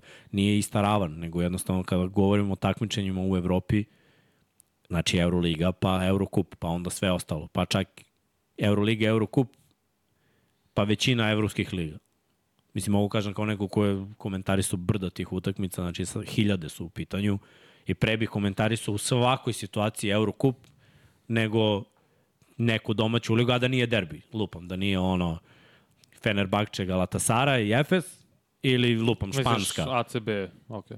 Osim te dve lige, sve ostalo, ne da ne može da se poredi sa Eurocupom, nego ne može da prismrdi. Nikad mi nije bilo A jasno Euroliga kako- je šest koraka iznad Eurocupa. Ma da, nikad mi nije bilo jasno kako Francuska ne može, Francuska ne može napraviti kvalitetnu, jaku košarkašku ligu, no to je tema. Idu ljudi, brat. Hm? Šta, Pa idu. Pa znam, ne, ali opet, nevrovatno. Imaš, to. Mislim, nevažno je to sada da se ne širimo tu temu. Pitanje jeste bilo kako zatvoriti Tobija i Kej, koji je krilni centar i ovaj, kako se već nosi, 26, afroamerikanac, mislim afroamerikanac. Uh, iz Australije, što igra veliki broj minuta na poziciji centra. Ima ga, mislim, skoro 2-13 ima. Mislim da on treba čuva Tob, uh, Tobija i naravno menjaće se Xavier Cooks. Oni imaju tu trojicu visokih igrača u rotaciji, ali to je uglavnom niža petorka stalno. I to je nezgodno za Sloveniju da isprati tu vrstu atleticizma. I Exum, i Matisse Taibel, i Gidi, i Mills, konstantno zuje tamo vamo, tamo vamo. Jedin koji tu igra sporije, rit, u sporijem ritmu je Joe Ingles. Ali opet on ima kon- konstantno inteligentan potez, napravi višak za sebe, napravi višak za tim i to je nezgodna stvar koju ti moraš neko da rešavaš kad je on u igri. A kad nije, oni pršte, australijanci lete na sve strane. Jer je to njihova igra. A ovaj se zove Rit. Preziva zapravo Rit. Tako da imaju Sloven, Slovenci, australijanci rešenje za Tobija. Jer su fizički možda dominantniji. I zato verujem da će Australija na kraju ipak da izvuče pobedu i samim tim izbaciti Sloveniju. Znači, Nemačka i Australija idu dalje. Veće šanse ima Slovenija da dobije Nemačku nego Australiju. To je moje mišljenje, zbog stila igre. Jer ne verujem da se da stilski Australija odgovara Sloveniji baš zbog fizičke predispozicije. Jer kad ti izađe petorka, Te bro, leti, Nemci si lud. ne, ne, letalne lete kao petorka, Exum, Tybal, Mills, Gidi i Rit koje, ili Xavier Cooks A koji je znaš ti imaju atleta. Nemci što Australija nema. Mercedes i neme. Nego, brate, imaju visinu, imaju bre, krupni igrače dole. Okay, ne, ne, jasno mi je to sam... kažem Kako ti- će Slovenija s tim da se Ja, nosi? ja mislim da mogu pre s tim da se nosi da ovi Sumnjam, nemaju igrače brate. koji mogu, koji mogu luku da zadrže. Baš sumnjam. A ovde ovi mogu da rotiraju i Tajbla i Egzuma. Fi, samo zbog fizičke predispozicija rekao bih da je Au- Australija teži match-up za Sloveniju nego Nemačka. A možda je najbolje, mislim, ako se desi čudo da Australija dobije Sloveniju, a Nemačka izgubi od Slovenije i dobije Gruziju, onda se formira krug od tri reprezentacije, Nemačka, Slovenija i Australija i međusobni e, skor tu odluč, odluče ko prolazi dalje. I koš razlika. To bi bilo ultra zapadno vidjeti, samo mislim da da Slovenija ima veće šanse da pobedi Nemačku nego Australiju. Tako se nekako utisak stekao po stilu igre jednih i drugih. Jer kažem, kad petorka, Gidi, Mills, Exum, Tybal i Cooks, to leti na sve strane. Ili nisu, uh, mo, možda Leti, su brate, niži, ali da, znaš, ne, nemaju, fizički su nadmoćni. nemaju sistem kao, kao Nemci. Nemci, brate, igraju E, ja sam rekao Nemačka ide do finala. lepu košarku. Drž, držim se toga, apsolutno. imaju i oni momenti divljanja, ali realno su na svakoj poziciji imaju rez, i dobrog startera i dobrog rezervistu. To je mislim da samo Ameri imaju to osim njih.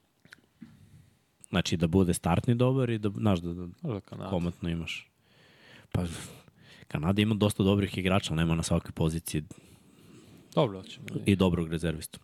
Ajmo, ajmo na sledeće, sledeće grupe. Grupa G. Uh, obala G, Slonovač ne. i Iran.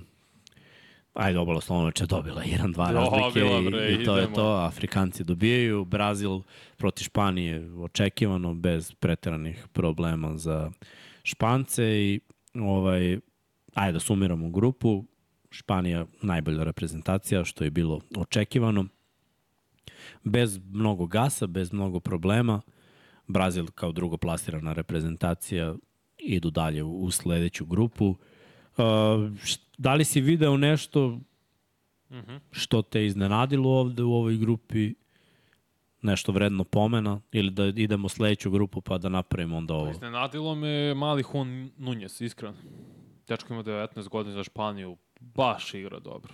I starter je i sve, nisam očekivao da će toliko. Više ima klinaca, on, Jović, Gidi, ne znam, uh, ko mi je još pao na pamet, a stavim mozak sad. Nevažno, setit ću se još neko mi je bio na umu. Znaš, mladi igrači više luku ne računamo to. Mladi igrači koji igraju možda prvi put svetsko prvenstvo, igraju baš na visokom nivou. On je jedan od te trojice zajedno sa, naravno, Gidijem i Jović. Tako mi os- ostavio odličan utisak što se tiče Španije. I čitav taj sistem i koncept Španije, mislim da će oni biti i narednih godina skroz, skroz ok, jer eto, ko još igra bolje za reprezentaciju braća, uh, ovaj, kako se prezivaju, Heran Gomez. Oni isto igraju mnogo bolje za repku nego što igraju u, Da. timu, za, O, da. za klub. O, da. Tako da oni igraju sjajno u tandemu i Vili i, Hu, i Juan Hancho, kako sam mu dobro ime rekao. Tako da Španci su baš nezgodni. Juancho. Juancho. Uh, kaže komentar i Nemci mogu da ispadnu ako budu tri ekipe na 4-1. Pa mogu da ispadnu ako koš razlika, to kažem, to onda se Brate, formira Gruzija koš da dobije, razlika. Gruzija da dobije Nemačku, to Ne, ne, ne, ne, ne, ne. Ako Slovenija pobedi Nemačku, to sam rekao. Sloven, uh, Australija dobije Sloveniju, dobro. Slovenci dobiju Nemce. To je 4-1. Slo- Ali naravno, mislim, Nemačka i pobedi Gruziju. Nemci imaju još jednu tekmu. Pa Ne, ne, pa ali onda imaju četiri. Jer će Znam, pobediti ali, i- brate, neće izgubiti od Gruzije, Nemačka. Nema ne, ne kažem da šans. hoće. Znam, znam, nego... Nema teorije. Ne, Kažem Nenadu Neškoviću da šanse da Ma ne, Gruzija dobro. dobije Nemačku su... Ne, može Slovenija pobedi tako da se formira taj krug od Da, tri reprezentacije. ali Nemci onda dobiju dalje i mislim i Leoni će razneti Gruziju. Mislim da se ne, Ne, laže. gleda se koš razlika između u duelu, Dobro, kapiram. znaš, Slovenija, Nemačka, Nemačka, Australija, Australija, Slovenija. Mislim i onda Australija mora da napravi... Pa Australija, Mislim, Nemačka je Australija dobila samo tri razlike. Pa znam, ali mislim... Izgubili su, tako da moraju onda da rade i oni na razlici. protiv Slovenije. I onda Slovenija mora takođe da... Kapiraš, ni, može da se napravi, ali iskreno, iskreno sumnjam. Ovaj, Gruba isto izgleda, igra dobro. Hm? Gruba isto koristi svoje minute dobro. Aldama isto nisu to očekivao. Tako da, eto, Španci... Oni ma Španci brime ozbiljan tim. Ja sam vidio protiv Amerike sve što sam sve što je trebalo da vidim. Sve što sam želeo. Ti, brate, kad može s njima da igraš barabar, da budeš konkurentan sve vreme, a da sve vreme oni prave 10 i ti se vraćaš pa povedeš pa se igraš, to govori da i dalje tu ima mnogo, mnogo dobrih momenata, mnogo dobrih igrača, mnogo dobrih akcija, mnogo igrača koji smeju. Znaš, nisu igrali samo sa određenom petorkom, nego su ono pravili, menjali i bili relevantni. I Ameri uopšte nisu bili u fazonu kao lagano ćemo, nego vidiš da su i oni grizli da su teli da pobede. U nije bilo kao puštamo ih, nego su stvarno bile one klasične španske ciganske fore, ali prolaze uvek. Zašto? Ako ti možda kažeš... Ako ti možda kažeš o neki indijanci, mogu ja da kažem. Su španci, cigani znaju svi na što mislim, Romi. Ne Romi kao Romi, nego romski narod. I zato što kukaju stalno imaju ciganske fore. Cigan kao karakterna osobina. Uh, IDH.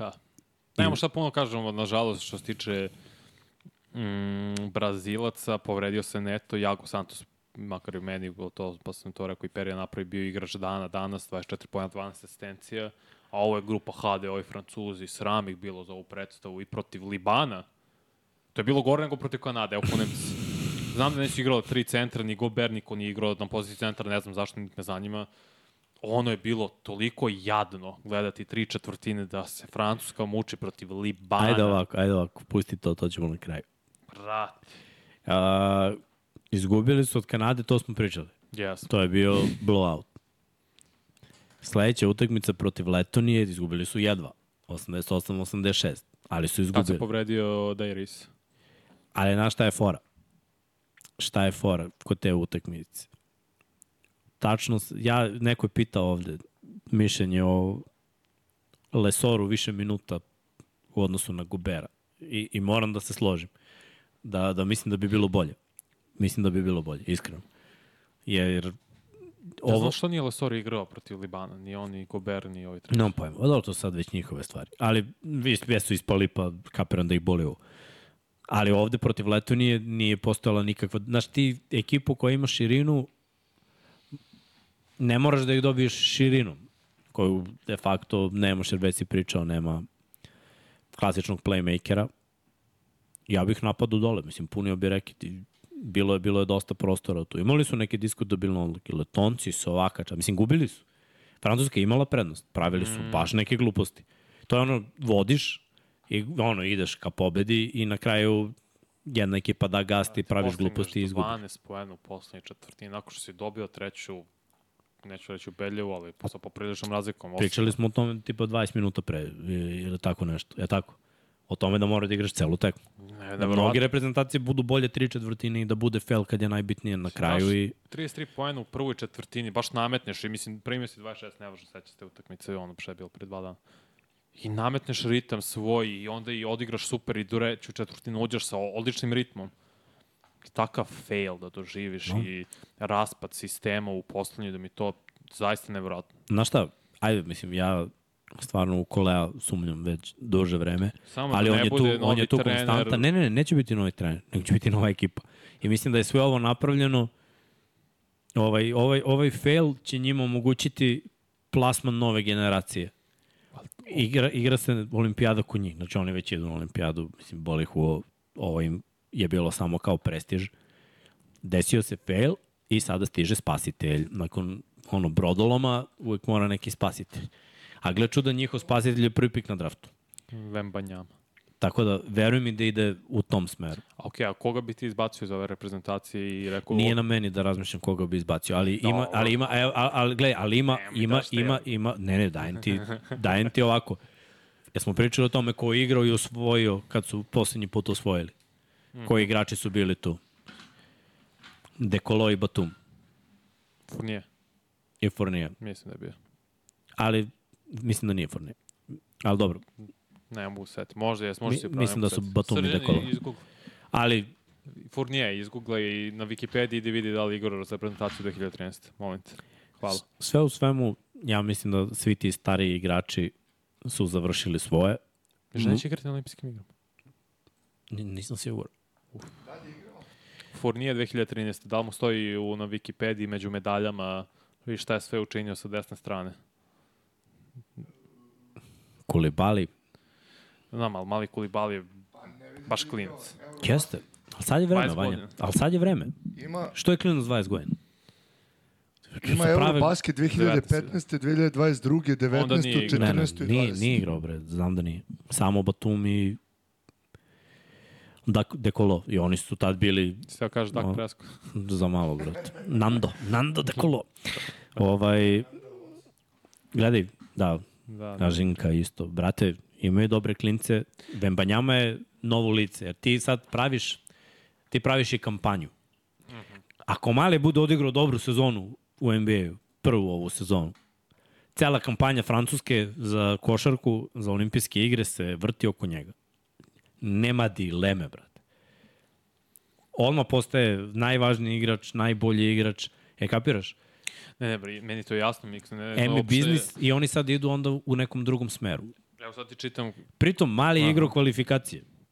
Jest. Ne bi oni ni bili na ovom svetskom I on da- da on dečko nije ne, igrao. ne znam da li igrao mali Ku- Kulibali, treba i Sisoko isto, sad čitam ko je svoj NBA od klinaca, mislim, Diabate, naravno uh, Ryan Ruper koji je draftovan na strani Pacersa, on mi se izuzetno sviđa. I iskreno, opet moram da ti kažem, beka. njihova igra je prepuna slobode, tipa za Fournija, ja mu ne bi dao. Imaju, iskreno da sam u toj ekipi smorio bi se za tu slobodu koju on Burazer ima da rešava. Mislim ne da- zanima me da li ima bolje rešenje ili nema, sistem nemaju, igraju, oni igraju isto ono, termin košarku, a kao da igraju termin košarku bez centra i sad su im gurnuli dva centra u petorku i ne znaju da se snađu jer nikad nisu igrali. Pik ne postoji, razumeš, kao, kao neki NBA. Uopšte im nije bila lepa igra. ali loša verzija NBA i ja mislim da treba da vrate i uh, ovog Franka Nalkinu i treba da vrate Kilijana Hayesa. Jer su im to jedini mladi playmakeri bekovi. Oni nemaju to. To je ono što pričam. Mo- koliko god da su možda u NBA-u loše i Nalkine više nije u NBA-u ili možda No. igra neku 11. 12. igrača i Hayes se nije isplatio kao visoko draftovan pik od strane Pistonca, sad je već sa klupu i ulazi jer imaju dvojicu Ivey i Cunninghama, nevažno. Oni moraju da igrati za reprezentaciju ne zanima me kako, znači oni moraju kao klinci, kao eventualni predvodnici, znači s razlogom su oni u NBA i birani, u činjenju su bili top 14 obojica. Jedan od Nixa, ovaj od Pistonca.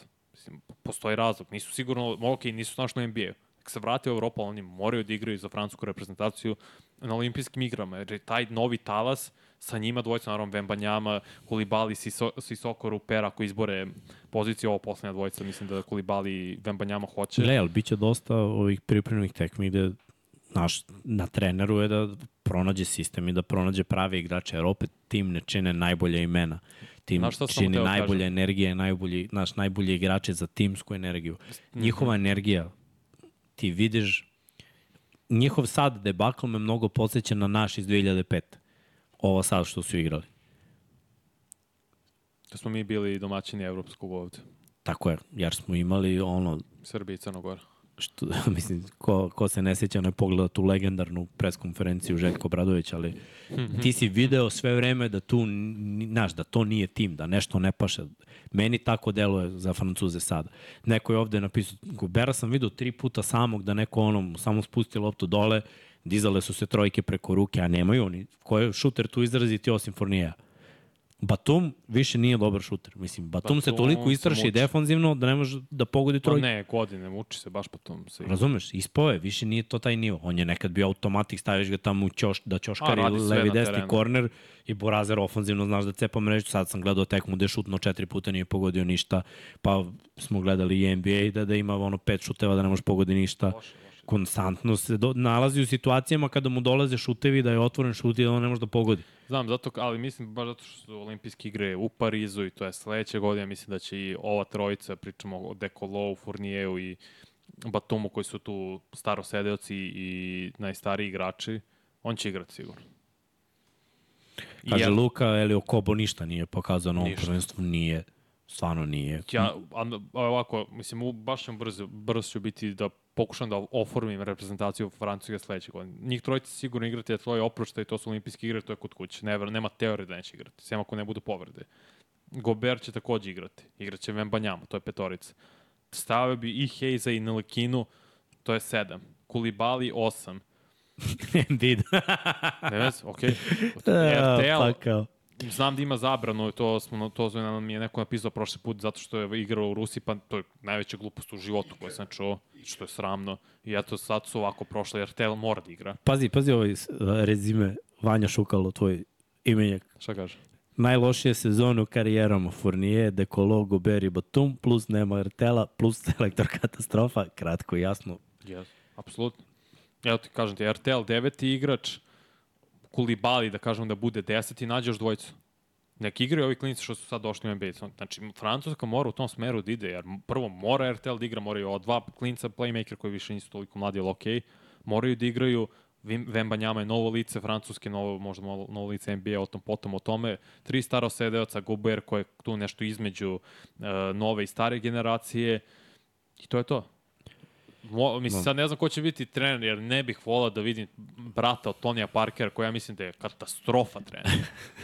Da je katastrofa. Samo je trener zato što mu je brat Tony Parker, ja sam u to naj... Znači, ne može da mi objasniš da to nije tako. Pa jeste tako, pa. Znači, on ako bi bio trener, to bi bilo katastrofa za Francusku, Da. da. gore nego Versan Konrad. Evo sad svi pišu, pošto RTL mislim ne igra, mislim izjava je da on ima tu Sramotno. neke političke ovaj, Da, da, pa zbog toga, mislim. Ali je to je politički. kako nije. To je politički. To je politički uticaj na, na to ko igra i sad mnogi igrači su se naravno oglasili posle toga da ih ono, zavole baš da igra Burazir, hoće najbolje, najbolju ekipu. Super. Ovaj, mislim, gledaj, RTL bi doprineo, ali doprineo bi da oni prođu grupu. Dovoljno, I, i, za početak. I, za početak, ali ne znam koliko bi mogli da odu dalje, jer gledaj, dis- disfunkcionalno je sve ostalo. Pravo si, Gobe- nisam mislio da je ovako disfunkcionalno, iskreno. Ni ja. Uh, Gober ništa, Lesor ne dobija minu, mi, minutaža. Lesor, bravo, on nek bude jedan od tih ostaje. raspoređena minutaža igračima I je loše određena od strane trenera. Uh, sistem igre mi se ne sviđa. Šta, mislim, RTL da je tu, bilo bi malo bolje organizovan. Mislim, bilo bi vrlo verovatno, ali i dalje bi imao s nekim igračima previše slobode. To je ono što mi se ne sviđa. Ja mislim da Fournier ima stvarno previše slobode. Fournier nije taj tip igrača, brate. Kad je bio toliko dominantan da ima ovoliko zeleno svetlo? Šta je on, Steph Curry, brate? A za Pa nije ni za francuske standarde, brate, Steph. Bio, ne, ne, nije Steph, ne, ne, ali... Burazer stvarno ima zeleno svetlo. Koš getter, se znam, gledao sam i u NBA-u, vrti daje, lagao on 20-30 poena. Pa može, ali... Može stvarno. Mislim da ga je sprečila, ne ovoliko, jer nije brate. igrao u Nixima ništa zbog Thibodeau, iz ne, nepoznatih razloga, opet ni on ni Rose. I da ga je to malo poremetilo, izbacilo iz ritma.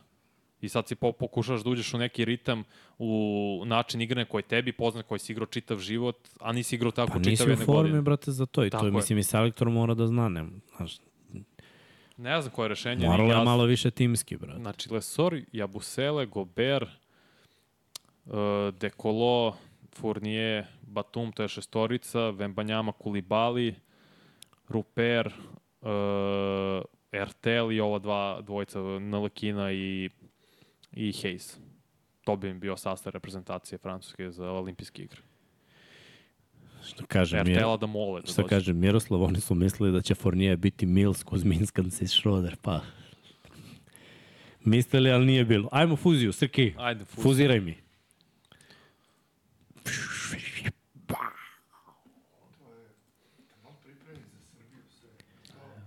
Jeste.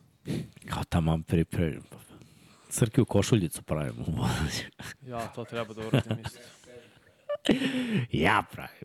Kanada, Španija, Brazil, Letonija, mislim da ovo kako je izgledalo na početku prvenstva da ovo sad mnogo lakša grupa da Kanada i Španija tu prolaze. Da, zato što ono hoće. smo mislili da ide Francuzi umesto Letonaca. Da. Evo ga moj crni konj na četvrtom mestu. Gle kad skinu skalp neko, a ne mogu. Odradili su A ne svoje. mogu, kako ali, pa ne, ba. Još negde igra Dairis, pa i ajde, ali on povređen neće igrati, da. to je baš minus na igrani veze, naravno. odradili su svoje, prošli su grupu. Opet kad pogledamo sve ove, ove grupe kroz fuziju, i dalje ova deluje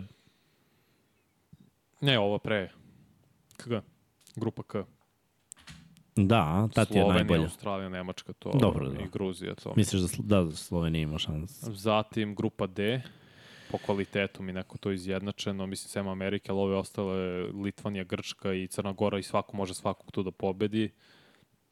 Opet mi je naša najslabija, što je super. Iskreno. Pa dobro, nećemo se bunim. Ne, kako.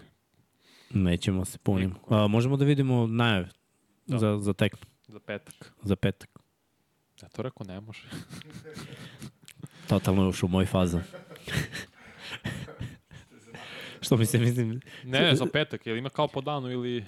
Imam samo za petak, ali po svaku grupu. Pa dobro, Ajde, to ajde. petak. petak Daj da najavim. petak za ovu grupu A. L.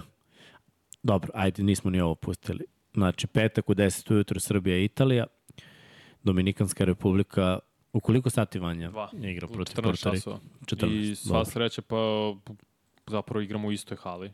Znači ne, nigde ne moramo da putujemo što je pozitivna stvar za nas. Da, to si rekao još na početku. To je, to je vrh, brate. da, da. I navikneš se na obruč. Tako je. Mislim, morat ćemo posle u četvrt finalu jer se sve seli u istu Malnida i samo u drugoj ovoj dvorani. Možemo da imamo sledeću grupu Srki. To je grupa J.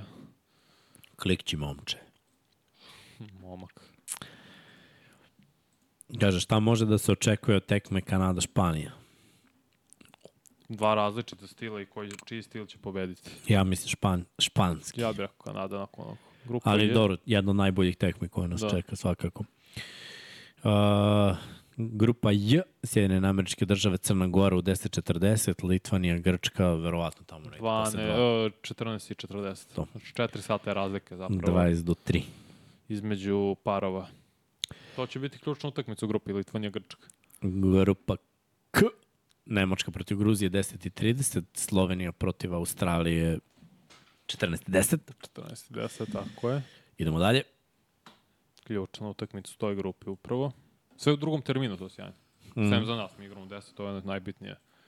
Španija, Letoniju 11.45 i Kanada, Brazil 15.30 i vrlo verovatno, iako Kanada i Španija pobede, obezbedili su sebi prolaz u četvrtfinale i u nedelju će igrati zapravo za prvo mesto i o tome ko će igrati protiv, za, ko je, s kim oni ukrštaju, aha, da, protiv ove, Sa L. sa L, gde su Slovenija... Španija. Ne, ne, ukrštaju sa grupom uh, K, gde su Slovenija, Australija, Nemačka i Gruzija. Tako da, jesi spreman za moje sad predviđanje? Ponovo, što Uh, sam ajde, lepo failovao. ajde. Pošto nisi mnogo fail. Pa nije samo Francuska. Mislim, nemo se lažemo, svi smo failovali Južni Francusku. Sudan, da. Kako mi je krivo zbog Sudana, mogu ti opišem, brate. Bilo lepo su Da. Teško nepopravljivi optimista. Bre. Istina, Neće afrička reprezentacija proći Sa malo. dok se ne desi da da. Embiid igra za... A, ne, kamera. Razumeš, nema šanse. Treba da bi afrička reprezentacija prošla, znači moraju da imaju Kao Karl Anthony tamo za Dominikansku tako, republiku. tako, taj tip igrača. Jer uh, Južna Amerika ima igrača koji imaju takvo iskustvo, na primjer. Mm -hmm. Australija znamo da, da ima. Azija isto, Imala naš, nekad. slaba je Azija sa takvim talentima. U poslednjih deseta godina, da. Pre ono je i Kina je bila pod mnogo ozbiljna reprezentacija. Mislim, Japan ima. Sad i ne igra Hachimura igra, Watanabe i Hawkinson, dečku igra. Dobro, gledaj, da su igrali, ali nisu igrali, jebi ga. Nisu, nisu. Desilo Jedina je opet Japan, jedina i azijska reprezentacija sa pobedom posle prve faze. Ali dobro. Srki, daj mi kadar. Da bi smogli da isečemo ovo za Reels. Da ljudi dodatno is, ismejavaju. Yeah. Da, da. Možeš i da skloniš uh, potpis. Gore, gore, nameštaj. Nam, Da, i po, prošli put su i Grmi. Grmi? Pada kiša. Ma nemoj Pa. da me zezaš. Dobro, dao čet, četiri trojke, brate. Krenula provala oblaka. Znači, nova predviđanja nakon blagog fejla i očekivanja Francuske da će da stići do trećeg mesta, bože me oprosti kako su ovo odvrtno igrali. E sada, prvu grupu, grupu I, mi prolazimo kao prvi, Dominikanska republika prolazi kao druga samo zato što je obezbedila pobedu protiv Italije i verujem da će pobediti Porto Riko u drugoj fazi i da će to već desiti u petak. Zatim dru, grupa J, Sjedinjene američke države prolaze kao prva reprezentacija, A morat ću da kažem Litvanija da će proći kao druga, iako se nadam da će ipak Crna Gora da me demantuje, da će oni proći nekim čudom, ali pošto su izgubili 20 razlike, ovo baš ozbiljno grmi. Ali Prekide Rilu, spavamo u studiju. Znaš, ali mislim da će Litvanija, što znači da ukrštamo u četvrtfinalu sa Litvanijom, a američke države, Sjedinje američke države ukrštaju sa Dominikanskom republikom i posle ćemo vidjeti o tome šta će des, gde da se desi. S druge strane, grupa K, Nemci prolaze dalje kao prvi, dalje se držim toga i mislim da će Australija proći i da će pobediti Sloveniju i da će to odlučiti zapravo čitavu ovu nedoumicu u toj grupi i sebi obezbediti tako što će pobediti i Sloveniju, naravno Gruziju dva dana kasnije i proći kao drugoplasirani tim iz te grupe. I poslednja grupa, mislim da će Kanada biti prva i Španija druga i tu nema šta do, više da dodajem, što znači da ukrštaju Nemci protiv Španije, Kanada protiv Australije. Mi pobeđujemo i dalje, verujem da ćemo dobiti Litvaniju, da idemo u polufinale, da Sjedine američke države lagano dobije Dominikansku republiku, to će biti najnezanimljiviji meč u četvrtfinalu, a s druge strane će prštati na sve strane, jer ide opet Nemačka, Španija, držim se toga da će Nemačka pobediti Španiju, mislim da su malčice kvalitetni njih. Ne mogu setiti da su prošle godine na Evropskom oni dobili, oni su izgubili zapravo od Španije u polufinalu. Mm. Mislim da će sad biti revanš. Revanš od strane Nemaca. I Kanada, Australija, mislim da će Kanada pobediti.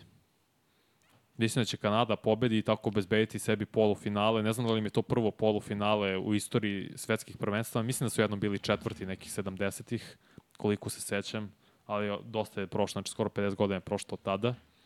Znači mi igramo protiv Nemačke u polufinalu, Sjedine američke države protiv Kanade u drugom polufinalu i to je možda finale pred finala, ali Nemci opet, ako ovako nastave da, da igraju, mislim da će malčice biti bolje od nas i da će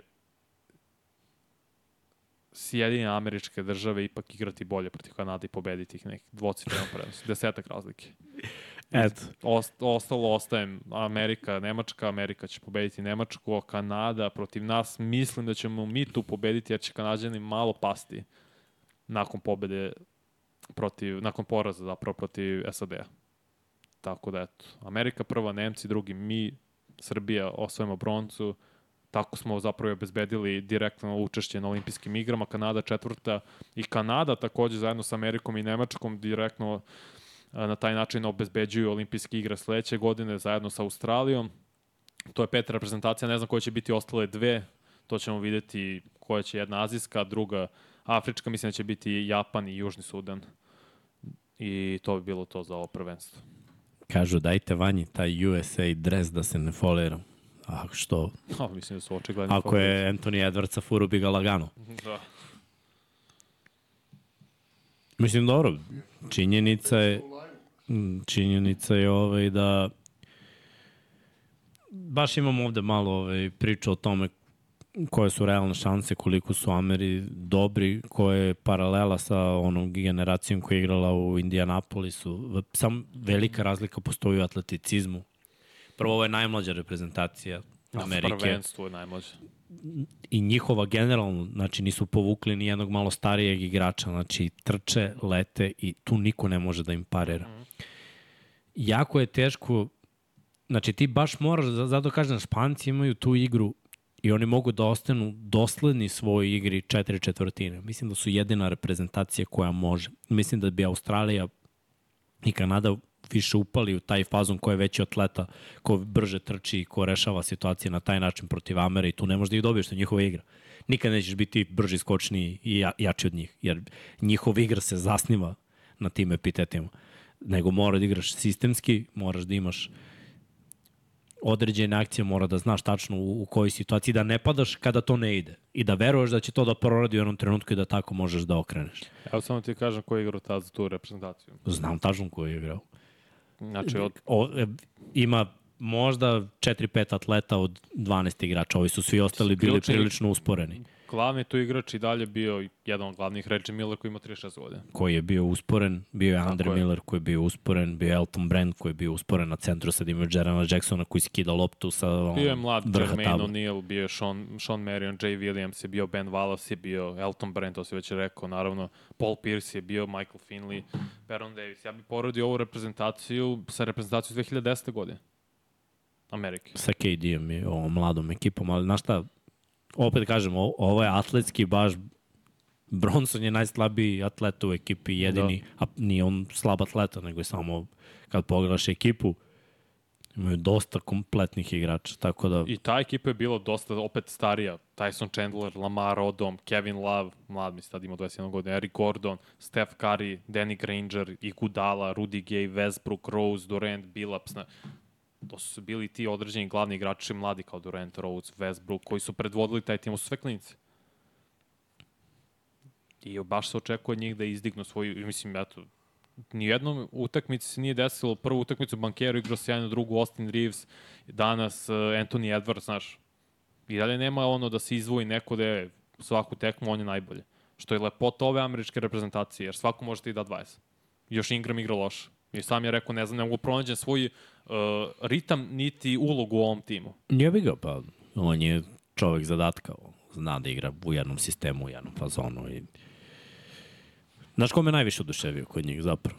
Uh, mislim, ljudi koji prate ovaj podcaste znaju Potop, a? O. Meni je- ja meni je ovaj- Aleksandra, samo znaš. Mikal Bridges sve prate. Prodor, leva ruka, desna ruka, Odbrana. polu distanca, floater, odbrana, trojke, kompletan igrač i atleta. Tako da ono, takvih igrača, takvih igrača sa ovaj, uvek najviše pribojavam što mogu sve da urade. I samo je pitanje kad će igra doći njima, jer on nužno ne juri, nego sačekat će da, da dođe njegov ritam. On- onda, onda su protivnici najbali. Uh, dobro, ovo smo rešili. Srki, možeš slobodno da pustiš pitanje i odgovore. Ljudi, pucite. Spremni smo. Uh, Vanja Šukalo kaže koliko verujete Pešiću od 1 do 10 ako dođe u egal i treba da se odradi prilagođavanje jedno od vas su već pun za njega polako, brate, bez, bez, bez osuđivanja. Pet. Baš Mislim da je tri puta dosta za Italiju, samo da nam ne zavisi od selektora. Dobro, ajde. Ajmo o tim prilagođavanjima. Najbolja stvar kod toga jeste da ne moraš da se prilagodiš i on, ono na što mislim jeste da tvoji najbolji igrači prosto imaju veću minutažu i zato sam rekao da mora rotacija skrati. Jer ako, ako, se ostane, ako ostane ista rotacija, isti broj ili sličan broj minuta kao što je do sada bilo, onda to je razlog zašto ti moraš da se prilagođuješ jer će tim koji je mnogo bolji ciljati tvoje slabosti, to je slabije igrače, kao što sam rekao, Ristić, Davidovac. Po mom mišljenju, naravno. Njima moraš da skratiš minute. To je to. Znači, da bi izbegao te žute minute i pad u tvojoj igri, tvoji najbolji igrači startna petorka pre svega i onda sa klupe trojice igrača moraju da, da igraju skoro ceo meč. Moraju, znači, ne, kako ne znam, oni moraju, mislim, pričamo o... Naravno, Ti si atleta, ti igraš za reprezentaciju, moraš da igraš Čim dođe, brate, minuta. faze eliminacije, A ovo jeste to. mora da igra bolje igrač, brate. Nema tu, mislim. Vrlo Mora prosto. budeš spreman za te stvari. Mora budeš fizički spreman da Tako je. odradiš to na visokom nivou. Stvarno nema opravdanja da jedan igrač koji igra za reprezentaciju ne može da iznese 20, 25 minuta. Ne jedan igrač koji igra za reprezentaciju profesionalni sportista. Mislim, Tako je. Upravo si slo, ja, skroz. mi smo bili ono, kao amateri, pa smo imali profesionalni pristup. Taj brat, spreman sam. Skroz je pravo. Spreman sam da igram svaki snap ako treba. Mislim, stvarno sam spreman da igram svaki snap. Ako treniram i ako, mislim, se Slažem bavim da, da. nečim i da molim, ne, neću sigurno da dozvolim sebi da budem ono zadihan, nespreman, a znam šta treba da se uradi je. za, sezonu. Tako da opravdanje za to, opravdanje za to nikad nema, brate. To, to je samo pristup kako ćeš svoje slobodno vreme da iskoristiš. Da li ćeš da odeš u teretanu i da radiš na kondicijonu spremi ili ćeš da, ne znam, zablejiš, odmoriš, igraš igrice, ležiš ili, ili, šta god. Mislim, Amin. To je, Ne, to je izbor, to je, to je izbor, ne- kao i odbrana. Ili igraš ili ne igraš, znači nema drugog. Jedino opravdanje imam ako je neko lupan bio ovo, Povređen. COVID, bolestan i to, pa jebi ga jednostavno smanji se kapacitet pluća i ti tu ništa ne možeš, možda treniraš ko lud i samo da bude još gore. Znači, Da, ne, ne, pričamo, Ali to je- ali to je prošlo. To je ekstrema.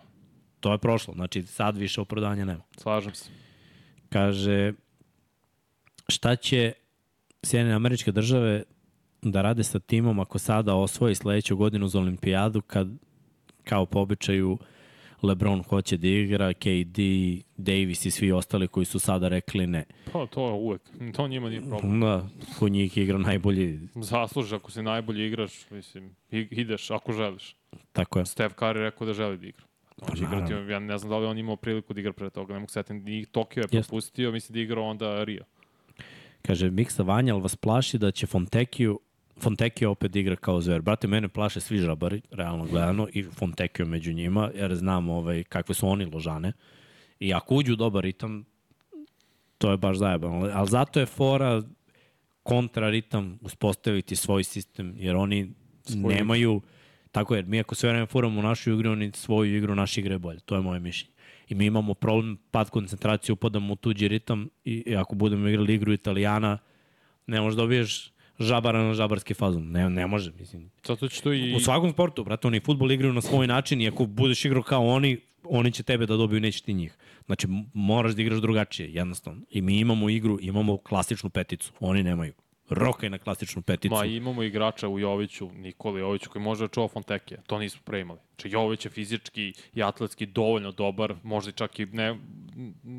Suzdržan se kažem bolje od Fonteke, ali okej da kažemo na tom nivou. Gledaj, ne treba padati. Jer tipa danas je bila uh, ak, ono, dve akcije, mm -hmm. Milutinov izađe na šut i Borazar preko ruke ne da ne vidi tablu. Ne koš, nego tablu, ne vidi ništa. I bućne ga bez koske. To je ono, šut jebi ga automatski, treniraš mnogo, memorija mišića i ti znaš sa određenih pozicije kako ispaljuješ loptu. To nećeš da padneš psihički kad vodiš 20 protiv Južnog Sudana, ali kad Italijan to metne, ne smeš da imaš Drugi moment ono kao, "A, brate, evo ga opet. Taj moment ne sme, idemo dalje. Slažem se. Idemo dalje. Ušla trojka, idemo dalje. Sad mi dajemo koš. I tako. Mentalna igra, znaš, i igra koliko si jak u glavi, čisto igrati. Ja znam da smo mi nekad imali te generacije koje su bile jake u glavi i da je sve moglo. Sada mislim da nije tako, ali timski duh je dobar za to jačanje, znaš. Jer timsko bodrenje može da te dovede do toga da pre... Znaš, ono, zajebi tu, idemo dalje, idemo dalje, znaš. Da priđe ti sa igraš, potopšete, znaš, ono, po leđima, idemo dalje, idemo dalje, ajde, idemo dalje. Mm -hmm. I samo guraš. Daj u odbrani, daj u napadu i zaboraviš to. I već za tri akcije se ne sećaš šta je bilo pre dve. To nam treba. Ne smemo da se demorališemo.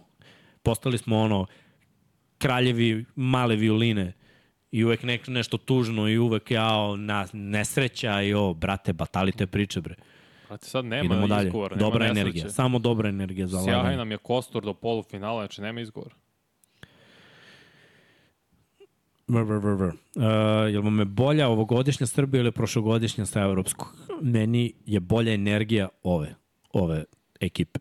I to ono što sam i želeo da vidim nakon pripremnih gde nije bila, ovaj, gde se videlo dobra energija, ali nije bila kondicija, bila krš. Ali ovaj, kliknulo je i ok, bila je minutaža određena da bi se formirala ekipa. Sad je drugačije to. Uh, čini, defi... Aha. čini mi se da, da smo bolji ova raspoređena minutaža i igra uloge. mi je bolje nego što je bilo prošle godine. To mi je u stvari razlika. Inače, jako dominantno je bilo i prošle godine u grupnoj fazi kao da. i sada i nećemo da govorimo o potencijalu jer samo treba povući to. Znači, grupna faza, grupna faza, dominacija, dominacija. Ali ajde samo da uzmemo minute i ove neke sporedne igrače koji sada daju veći doprinos nego prošle godine. Možda je to, možda je sad ulogi su bol, bolje raspod, raspodeljene. Možda samo zbog toga, ali ne mogu i dalje da kažem da li je bolje ili nije, opet jedna faza je prošla. I prošle godine, kao što si ti rekao, dominirali smo prvom fazom, dominiramo sad prvom fazom, moramo da vidimo drugu fazu i kako ćemo igrati protiv Italijana. To je ključna utakmica i na tome se zapravo na, naš napredak i mentalitet to slikava. Da li smo napredovali? Znači imamo direktnog protivnika i koji smo imali prošle godine izgubili, da li smo bolji od toga sada? To je, to je ključna stvar. Ako jesmo, onda apsolutno smo bolja reprezentacija. Vrlo prosto.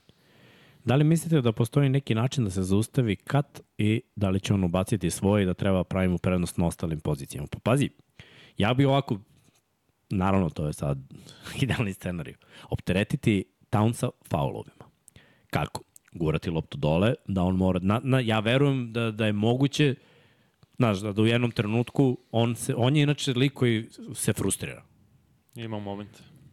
u svojim partijama protiv Jokića, još od početka, kad je on bio zvezda, Jokić je ono, tek stasavao, znao je često da se deprimira zato što mu Jokić ono, da ovo ono, kad dobije faul lik poludi itd. Njegova loša energija će da se prenese na celu ekipu, svi će da postanu nervozni kad im je najbolji igrač, jer slediš ti, on vodi primerom. Ako ti slediš vođu koja je nervozan, on jednom i ti postaješ nervozan, jer ako njemu ne ide, onda verovatno neće ići ni celoj ekipi. Probati tako da ga malo izbaciš iz ofanzivne igre kroz odbranu. Jer on mora se troši na obe strane. Ako on neće da igra odbranu, i mi možemo da dobijemo dva poena, limitirati njega ofanzivno, ja bih ga samo usmeravao. Jer, le, on će naći svoje poene. I ja, ja mislim da, da njega ne možeš ti da izbaciš preterano, ali ajde da ga usmeravamo i da flow napada, mm -hmm. tok tog napada, da uvek usmerimo ka određenim igračima i njih da zaustavimo. Jer sposobni smo da zaustavimo ostatak. On je lik koji, znaš, ima, svo, ima baš talent i ume da izmisli talent. poene. Izuzetno Ako mu se odalji, šutnuće, može šutne sa 8, može šutne sa 8 i po, može side step, može bez skoka da, da, da podigne šut. U principu ima sve. Opteretiti ga faulovima, to bi ga malo verovatno izbacilo iz igre, znajući njega, jer ono, godinama ga gledamo. Ja ću imati drugačiji pristup ovome i reći ću pustiti Karla, Anton, Kar, Karla Anthony Towns da radi šta god želi, ali zaustaviti Andresa Feliza i Viktora Liza. Zaustaviti ostali igrači, pre svega Feliza, njemu ne dozvoliti da se razigra, jer verujem da je on bio drugi najbolji igrač za Dominikansku republiku i možda najbolji igrač u ovoj poslednjoj njihovoj utakmici, juče koja je bila odigrana. Njega zaustaviti, limitirati Liza, a ka, pustiti Karla, Karla Anthony Townsa da radi šta god želi, jer ne može jedan igrač da pobedi vrlo dobar tim. Neću još da kažem da smo odličan tim, to tek treba se vidi nakon ovog, ove druge faze. Jedan igrač ne sme da pobedi, da je sposoban da pobedi, jer prvo ne pričamo o Luki Dončiću, ne pričamo sad u prvenstvu o Šaju, Gilgesu, Aleksanderu. To nije Kar Karl Anthony Towns. Uopšte nije. Približno tome, ali to nije. Hmm. Oni mogu da te pobede, sami Dončić, pre svega nisam ni sigurno da Šaj to može da uradi, Dončić može svakako, ali zaustaviti Feliza i zaustaviti Liza, njih dvojicu, ako limitiraš i zaustaviš, ovaj ne može sam da te pobedi, to je to. To je strategija inače to, Toma Thibodeau bilo dok je bio defanzivni um za Celticse, kad je kod, bio kod Doka Rivers. Pustiti u tom slučaju Bryanta da ima svoje pojene da 50, ali ostale zatvori. Aha. Jer ako ostali ne uđu u ritam, prvi njihov šut će biti van ritma, biće, biće hladni, vrlo Stoji. neće ući. Ali pazi, generalno branimo lošu za tri, one vole da šutiraju. Zato Mora malo se igramo, znaš šta, naročito sa južnoamerikancima. Se treba igrati ovaj, s glavom. Nisu, ovaj, labilni su malo. Znaju da padaju. Kao što mi imamo pad u jednoj četvrtini, mogu da imaju pad u dve četvrtine. I tu mi Poluvreme. rešavamo, razumeš. Zato je treba vođu, znači, znaš ono, ona stara taktika, ovaj, kada sečeš glavu, kao, bespomoćni su. Napadneš odmah glavnog. Kako Troj Ahil rešio Boagrija O, i Bože. on i evo ga. Evo ga, Skiptar, rešili smo. Andrija Okanović treći put pita, ali sad smo došli do pitanja odgovora Andrija da prostiš, pa ćemo ovaj, sad odgovoriti. Ko, je, ko po nama najbolje brani šut za tri poena, mislim da je generalno trend skoro svih timova da šutiraju veliki broj trojki bez obzira na procenat uspešnosti. Pa jeste trend i mnogi ekipe to rade uspešno, jer su sve bolji i bolji šuteri generalno u svetu i više se baca akcenat na taj segment igre. Ko najbolje brani, mislim kad bi dali 100% sebe, ja stvarno mislim da Ameri najbolje brane šut za tri. Ne mogu da kažem kroz njihovu grupu da su se nešto mnogo dokazali, niti da je zalaganje bilo ono 100%. Stvarno mislim da ovaj, su bili prelagani i do, svoje tekme su dobijali lagano. Da kažem, da ti kažem Ali- Ali... su Ameri jedni, jedna od reprezentacija koja je najmanje šutira za 3 poena. I to je nevrovatno. Samo 23... Pa nema potrebe. To, to. Zato, ali zato kažem, nije mi trenutno nema statistički parametar koji bi podkrepio što pričam, ali kada bude došao, kada bude došao trenutak, kad pogledamo range, kad pogledamo raspon ruku, visinu, atletske predispozicije, mm -hmm. znači nje, Bronson je jako pokretljiv i prgav defanzivni igrač. malo. sad Tako da pitbull. oni nemaju manu defanzivno, osim mm -mm. eventualno momenta, ma, nek šutne. To je, to jedino može da se desi da šutevi budu relativno otvoreni. Mi kasnimo, zato što smo spori, što nemamo taj rad nogu, I što nismo kondicionalno spremni, lapsuse, da. zato što zaboravimo da preuzmemo čoveka, zato što komunikacija nije. To su stvari koje ovaj, kad imaš atlete, čak i da komunikacija ne radi, lik će stigne pola sekunde kašnjenja zato što ima ruke korangutan i bukvalno ono, leti po terenu. To ću da kažem i Kanada koja je zaista igra odlično odbrano i stalno su u stavu, mislim, opet limitirali su jedne Francuze na 65 pojena. Vidi se da su spremni i Brooks i meni, ja sam oduševljen Lu, Lu, Luom Dortom koji je meni vrhunski defensivni igrač, Ša isto igra odbranu, RJ Barrett se trudi, prosto je veći. To ne može da se vidi u NBA utakmicama, ali u ovim međunarodnim ti vidiš koliko je on ogroman zapravo za poziciju beka. Zato isto opet, slična priča kao sa Amerikancima. Ali da, Amerikanci šutiraju samo 23 trojke po meču. Tipa možeš da su peti od pozadi, ono, mm. među lo, timovima se brate. šutiraju malo. Kada daju dva pojena svaki napad, što bi šutirali tri. Kanadžani zato što prangiju 35 po meču. Gde nas vidite u full sastavu sa Kalinićem, Jokićem, Micićem, pitam zbog olimpijade. Ja bih iskreno stvarno voleo da Pazi, prvo da vidimo šta će ovde da se desi i ako budu ove projekcije najbolje moguće za nas, a to je da uđemo u polufinale. Ja bih se stvarno zapitao u kom smeru treba ići reprezentativno. Ne, ne, ne, ne, moraju da igraju. Pre, pre svega To zato je što... tvoje mišljenje, ti imaš svoje mišljenje. Moje mišljenje je da treba da se napravi najbolja timska hemija. Ok, ja kažem... Ja bi, ja bih ostranio igrače koji remete timsku hemiju uvek. Meni je bolji igrač, timski igrač, nego individualno, najveštiji talentovan igrač. Ne, ne, ja kažem da moraju da igraju pre svega opet ruku na srce da mi smo izbegli većinu odličnih timova Jesmo, kroz kostur. Jesmo. I Kao i prošle idemo- godine u grupnoj fazi. I, I ne, do polufinala. Mi, Litvanija nije odličan tim. Ne, ne, ne, mislim Crna i prošle godine na Evropskom Italija nije bila odličan tim, pa Da su, ne, okej, zato kažem. i prošle godine nam je Kostur išao na ruku. Jeste, jeste, i sad je još više išao, zato verujem opet, sistem olimpijskih igara je meni zastareo, to sam i već pričao i ponavljam se, ne treba 12 reprezentacija, treba 16 previše, košarka uznapredovala poslednjih 10-15 godina da budu samo 12 reprezentacija, treba minimalno 16, dve grupe po 8, pa nek se igraju, a ovako sa 12, tebe će, na, evo, već je Australija obezbedila, Bić, verujem da će biti u boljem sastavu prošle sledeće godine. Lendel prvi ima još par igrača. Francuzi isto sigurno će biti bolji, neće biti ovako katastrofalni, nema teorije jer igraju kod kuće. Amerika će biti bolja reprezentacija. Kanada, ako prođe, verujem da hoće, isto će igrati možda i Wiggins i Jamal Murray. Samim tim na papiru su bolja reprezentacija. Fali opet i Grčka sa Janisom ako bezbede olimpijske igre, ako on igra, oni su isto bolja reprezentacija i tako dalje. Svima fali neko, tako da i moraju nama da igraju Jokić, mora da igra uh, Lučić, Kalinić, Micić, vidjet ćemo. Mislim, ja, to je moje mišljenje, uvek treba da ideš sa najjačim sastavom i ti si upravo sa tim, zapravo sa timom koji je najbolje o, timski nastrojen. Igrači koji su najbolje timski nastrojeni, ali moraju da igraju, ti moraš da imaš jednog Jokića, jer jesu to olimpijske igre. Jer igraćeš protiv sjajnih reprezentacija sve vreme. Naleteće ti neka afrička reprezentacija ili neka iz Azije koja je slabija.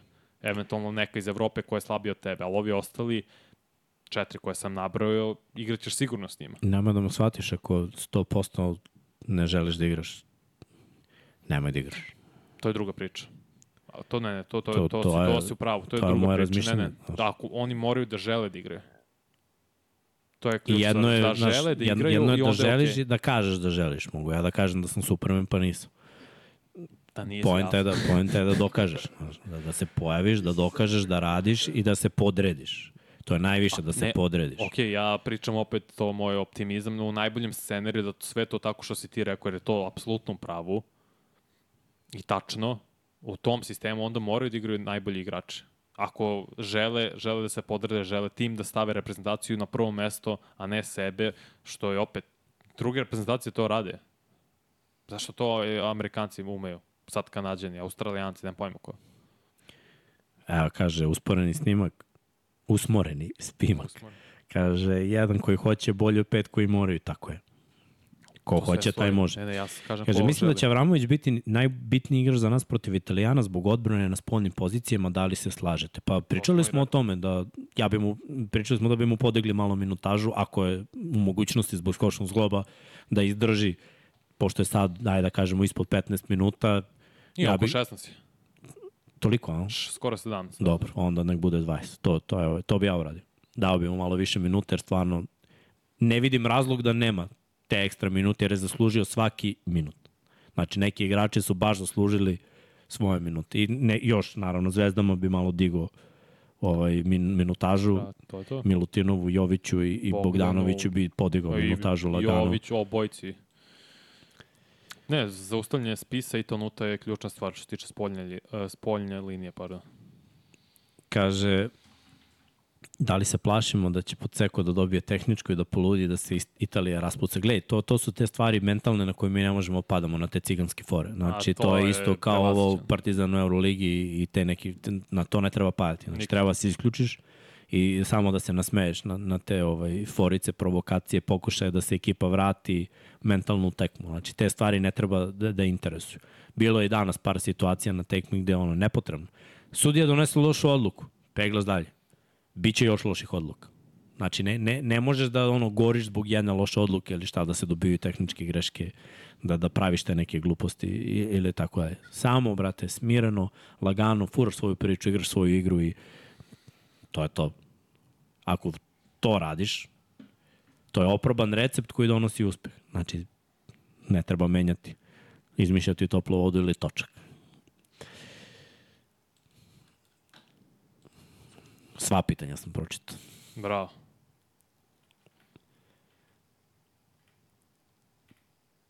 Jedan, dva provera na, paket, na paketu overa. E, uh, br, br, br, br, br, br, br, dobro.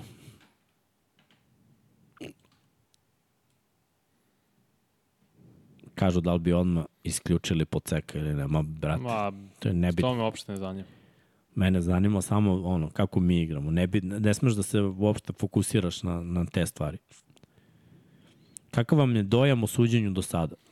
Pa Da. dobro, dešava se. Malo loše i opet to su sudije niže kalibra i kvaliteta, jer je FIBA i opet Euroliga nemaju taj dogovor da evroligaški sudije sude na FIBinim takmičenjima, plus FIBin standard jeste da moraju, čini mi se, sudija da bude iz svake reprezentacije koju učestvuje, mislim, nisam siguran. Ali Dobro, svako i stave sa različitih kontinenta. Što i nije okej. Mislim, koliko god ok, to forsiramo globalizaciju košarke i što je sve super, ali ne može po tom sudije tako. Moraš da uzmeš koje su ti u mogućnosti najkvalitetnije sudije konstantno, jer zaista neke sudije ne zaslužuju da budu na svetskom prvenstvima. Ne zanima da li dolazi iz Libana, Japana, uh, Litvanije, Amerike, Brazila, stvarno me nije Ali gledaj, ali dešavaju se i najbolji sudije napravi grešku. Ok, ali ovo je Ti kao igrač ne smeš da vileniš na to. Znam da je teško. Znači, ne mogu da kažem, ok. proživao sam iz ličnog primjera da izgorim. Razumem? I tip, ali uzorak od 10 godina izgoreo sam dva puta. Kapiraš? Nije trebalo ni ta dva puta. Ma dobro, Trebalo da budem veći čovjek, da budem smireniji, da ne štetim ekipi. Ali, jebi ga, desi se. Ja razumem da će nekad da se desi. To što je moralo da se desi, trebalo da se desi u grupnoj fazi, u ovoj prvoj fazi. Sad ta sranja treba izbaciti. Jer, jer to su stvarno gluposti. Stvarno. Buniti se sudijama sad kao, jesi video, on je mene, ja, brate, neće on da promeni odluku. Ne može on sad kao, upravo si, brate, čekaj, e, Nema upravo je challenge- bilo je. Nema challenge Pa znaš kada će to da se desi? Nikad. Tako je. Znači, ideš dalje. Peglaš dalje. Kažem, previše smo postali u tom fazonu. Nekad nije bilo tako. Nekad je malo bilo tog moljenja da se dosvira ovo ili ono.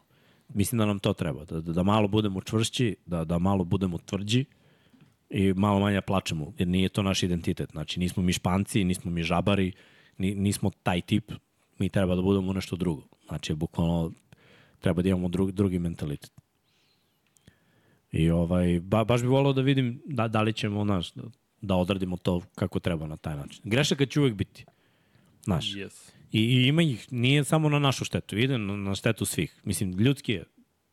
čovjek mora da donese odluku, greše.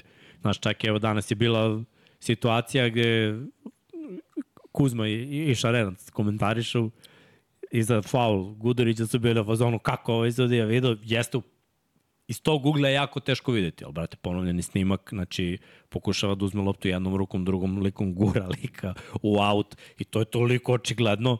Razumijem, ne smemo da donosimo ono ranije zaključke ili jeste ili nije, brate, polako. I, i da jeste i da nije, nema veze. To je jedna odluka. Ni u jednom sportu, jedan play i jedna odluka ne odluča na kraju. To može da bude kulminacija, ali to je kulminacija. I pre toga si imao situacije gde, gde si mogao sebe da dovedeš da to ne odluči. bre, seti, seti se momenta Ramsey, ne Ramsey, I Saintsi. Saintsi, da, Jeste, bio je pass interference, ali pre toga su oni mogli sebe da ne dovedu u situaciju A, da im znam. treba taj drive da bi oni do, dali znam, touchdown. jasno. Znači, imali su svoje poteze i pravili su svoje gluposti i svoje greške. I uvek kad pogledaš, kad analiziraš celu tekmu i sedneš i vidiš ovo sam mogo bolje, ovo sam mogo bolje i da si sve uradio bolje od tih stvari, ne bi se sve Znaš zasnivalo na onom kraju. još uvek u umu i to nikad neću se boriti. 2010. mi protiv polufinala, mi protiv Turaka. svetsko prvenstvo, kad je Tunčar i nagazio. Bio u autu debelo. Ali gledaj, i mi smo mogli da rešimo dva, tri napada i da taj jedan A play... dobro, znam, ali Ja razumeš? to je toliko očigledno ih poslednja Bilo je. pa, Gledaj. poslednja ono, play na utakmici. Ne Bilo je i, i, i, i bio je užas. Mislim, ovo Turska je bila tada svako domaćin svetsko, sve okej, okay. posle ih Amer Amerikanci zgazili, ali mi smo zaslužili to finale. I posle smo pali kompletno, mislim da je bilo protiv Litvanije. Da su nas baš ono, ošašavili. Uh, dobro, ovde nas malo hvale. Kažu da smo dobri. Pozdrav za Infinity. Jej. Kaže, znam da je vanjen dojam za Pipena na zavidno niskom nivou. Da li bi za svetsko smanjili broj reprezentacije iz Azije i Afrike? Da, za Pa po jedno mesto. Ne bi, ne bi bilo fair, ali da, što se kvaliteta tiče, bilo bi bolje. Fair, ne fair, šta da radim. Mislim, mora da postoji neki, uh, ne znam da li postoji, mislim da ne postoji, ali neki bodovni sistem za FIBU i za kontinente, da posle određenih perioda, da kažem, posle dva ciklusa, ti proceniš, znači to ja kažem 8 godina, možda manje, ti proceniš, ok, neki kontinent za, zaslužio i to će uvek biti Evropa, da Brate. se razumemo. Odradi jedne kvalifikacije Azije i Afrike. Neću. Promenit ćeš mišljenje o košarci. Veruj mi. Veruj mi. Ne, zato ja Jedne imam... kvalifikacije su dovoljne. Ne da znam, ali treba po jednom mestu da, da im se oduzme, da se da Evropi jedno i even, eventualno jedno i Južnoj Americi, možda i ne zaslužuje Južna Amerika, ok, sad su prošle pet reprezentacije iz Južne Amerike i to je generalno Amerike. Pa pazi, da dodaš Argentinu još jednu repku i tipa jednu repku iz Evroppe, Evropa i to je to. Meni bi to, znaš, ono, Tursku Gora, ili na. Hrvatsku. Pa ne, da, je, Crna Gora, Hrvatska, izvini, da, bravo, Hrvatska, cr, mislim na Hrvate. Da. Ima, znaš, ima repke koje nisu ušla, a koje su mogli.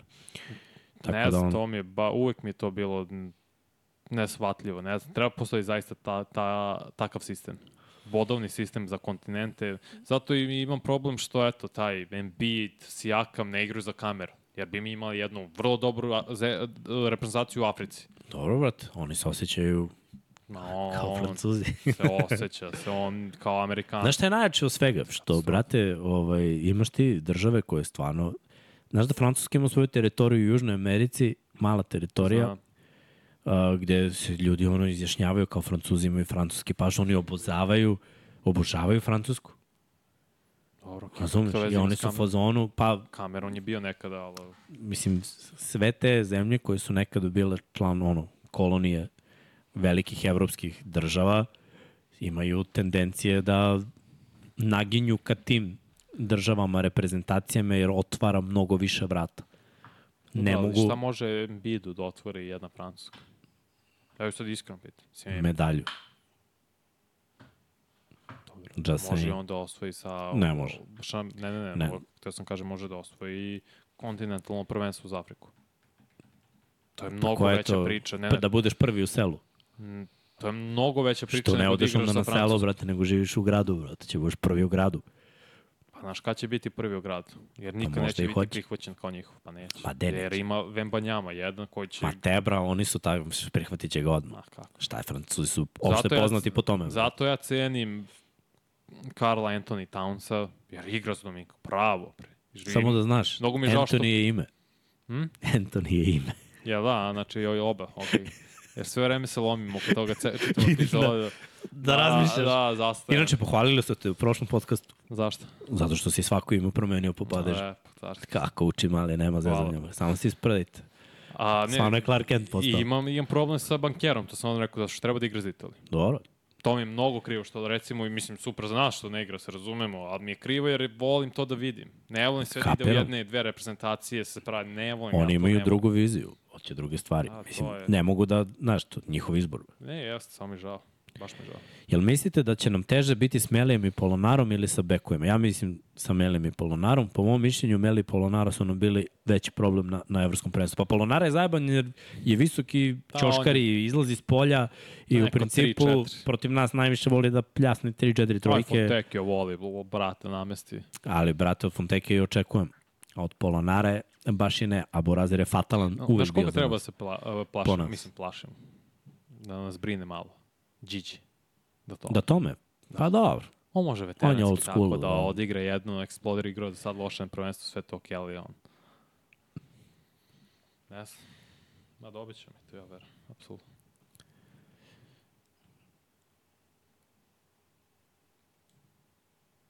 Da, imali smo pitanje, ili ima challenge? Ima challenge. To je glupo, što gubiš challenge ako si u pravu, to mi je tako glupo Pa dobro. pravilo, znači ne mogu to, ver- ne mogu ti opišati koliko. Mesto kao što je u tenisu, opet taj tenis, da iskoristimo taj sport, pa ti zadržiš challenge svoj. Pravo si, super, imaš, zadržiš se, ne gubiš challenge. Kažu, zaboravili smo Srkija da pohvalimo. Tako je, pohvalite malo Srkija, uspavao mi se ovde, ne čujem tastaturu kako pucka. Nemam šta da govori ljudima. Hvala, dobri ljudi. Ga, o, Kažu, kiša. 500 ljudi u live-u, 142 lajka, pa eto, samo tako da ne šutiram i sve će biti u redu, ali hvala vam. To je da je italijanski procenat za 3 pojena, 28%. Stav, stavili su nam, brate, lajsnu na, na obruč. e, si gledao onog brata na YouTube što šutira, a na tablu stavi ekser? Znam, Little Shooter se zove. Da mora da, mora da cepa samo bez On koske. je brate. ozbiljan šuterski trener, Si baš vidio, brate? kako prangi Kak- ima, kako ruku ima. Kaka, šta radi on? Automatik prangici. Izvini, dečko, imaš mikrofon? Ti krupni, Da, dečko. da, Da li mu mikrofon, on... on... on, On priča u prazno. Strašno, brate, nije strašno. naviko, nije naviko. mislim da je on trener u Dallasu kao skill igrač. Ne znam, brate, ali Ili je to Šemgo, ne mogu sad neko njih dvojica, ali kako ne, obožan njegove klipovi, stvarno je ovo... šem god je negde tren, to znam, ali ne znam gde. Lagao bih ti kad bi ti rekao. A gledao sam neki dokumentarac o njemu. Najče mi je. Mm, mm. Evo, bit će, bit će kamera od sledeće, mislim, nešto ćemo da, da namestimo. Da, stvarno si mogao da namestiš i kadar. Chris mi Matthews inače zove. Da, r, r, r, r. Igrao je bre u Rusiji, čovjek je u Kanadi i Meksiku. A ne znam da li je sad trener negde, bre.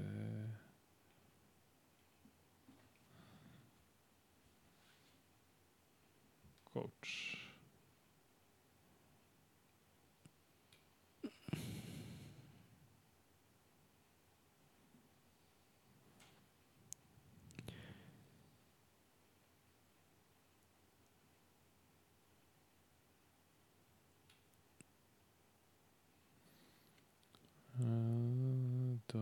E, ti da dođeš u 99 yardi u odelu.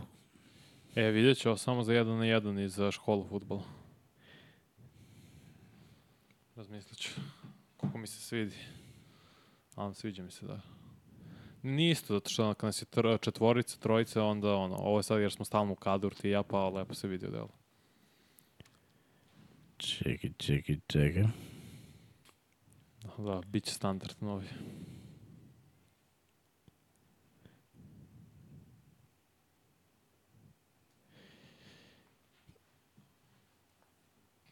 Dobro, ne vidim novo pitanja.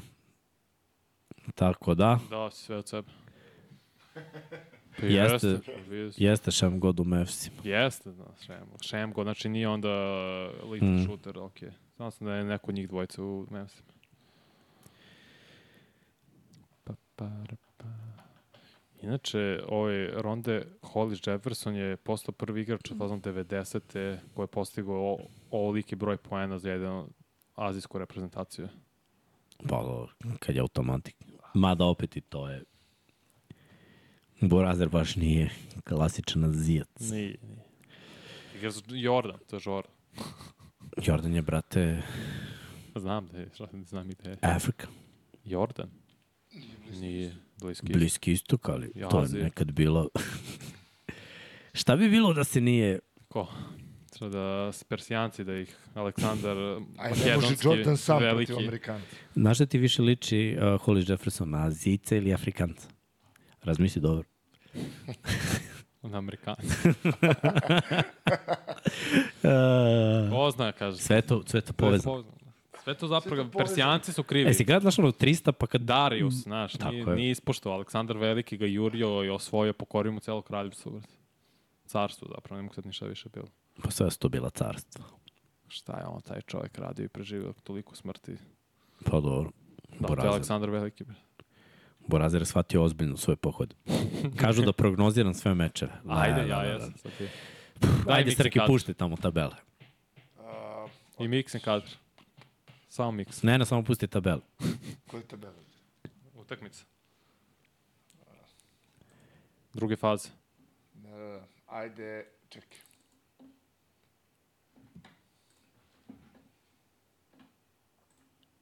Brr, brr, brr. De, de, de, de, de, de.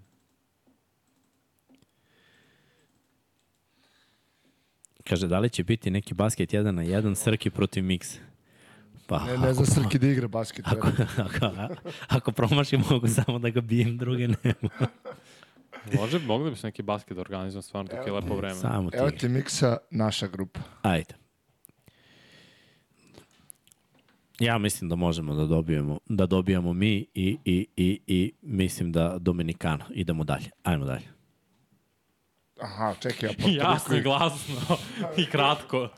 Jer ti treba i moj kadar.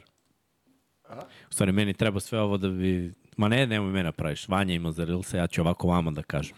U poverenju. e, Dobro, šta imamo još? Pita Branislav, jel treniram i dalje kao kad sam igrao američki futbol, tebra, ne da ne treniram tako, nego ono što sam nekad radio, sad ne mogu da zamislim. Mislim, treniram, za, za običnog čoveka i dalje treniram preterano, ali za moje standarde od nekada Za tvoje godine. ni bliz. Ma nije ni do godinu. Pazi, kad sam prestao da igram i dalje sam dve godine trenirao ko lud, posle. Ali, o, ali ovaj, ne mogu, ne mogu da ispratim to. Da sam igrao bre tri termina, igrao dve košarke, futbol i, i još četiri, pet teretana u toku nedelje.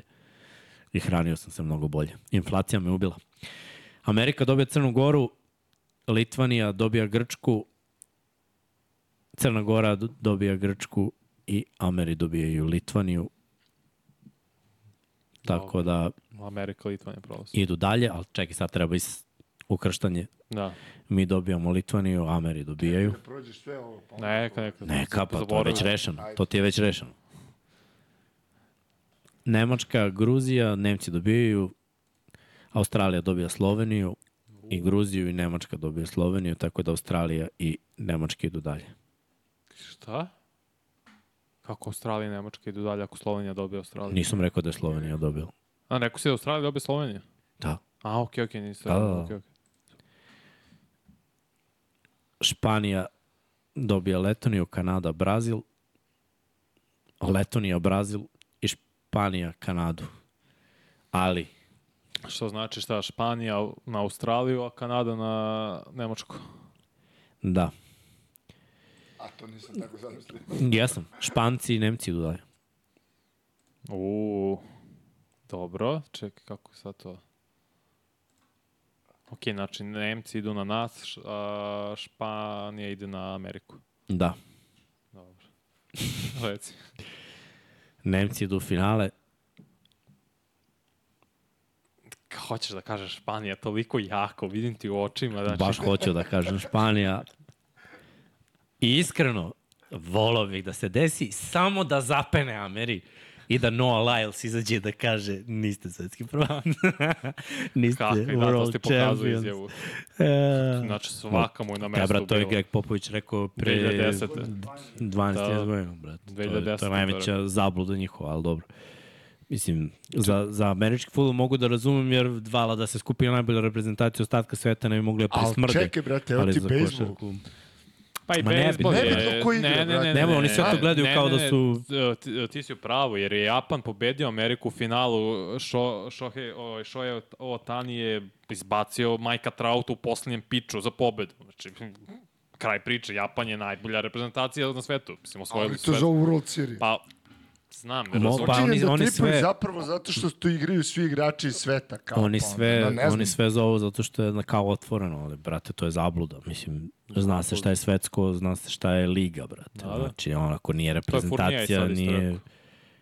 Mislim, sad prave jebote ispade dečko ono glup i kao još ga isprozivaju, rekao činjenicu. brate. Pri, pritom mora da pobedi Jamajčane i sve redom, čoveče. to je on je sam, brate, sam. Pritom, uopšte nije zagarantovano u košarci da najbolji ti, jesu najbolji igrači u NBA i sve, ali, mislim, nikad ti nije zagarantovano na jednu tekmu ko može da dobije. Znači, svetsko se ne igra na, Na četiri. seriju od četiri dobijene, nego na jednu te, bra. Jednu ko dobije, ko na svetskom. Svako može da dobije jednu, brate. Nisu ti Ameri nepobedivi. On, oni su ubeđeni da su nepobedivi, da su najbolji, najjači itd. itd. Ali, mislim, razne činjenice postoje. Čekaj, hoćeš da, fin, da kažeš da je finale Španija, Ne, Nemačka. ne. Volao bih jako, ali ne. Biće Amerika, Nemačka Dobro. I mi i, i, Španci, za Španci. treći. Španci nas dobijaju i to je to. Znači, ne, ne idemo na olimpijske igre.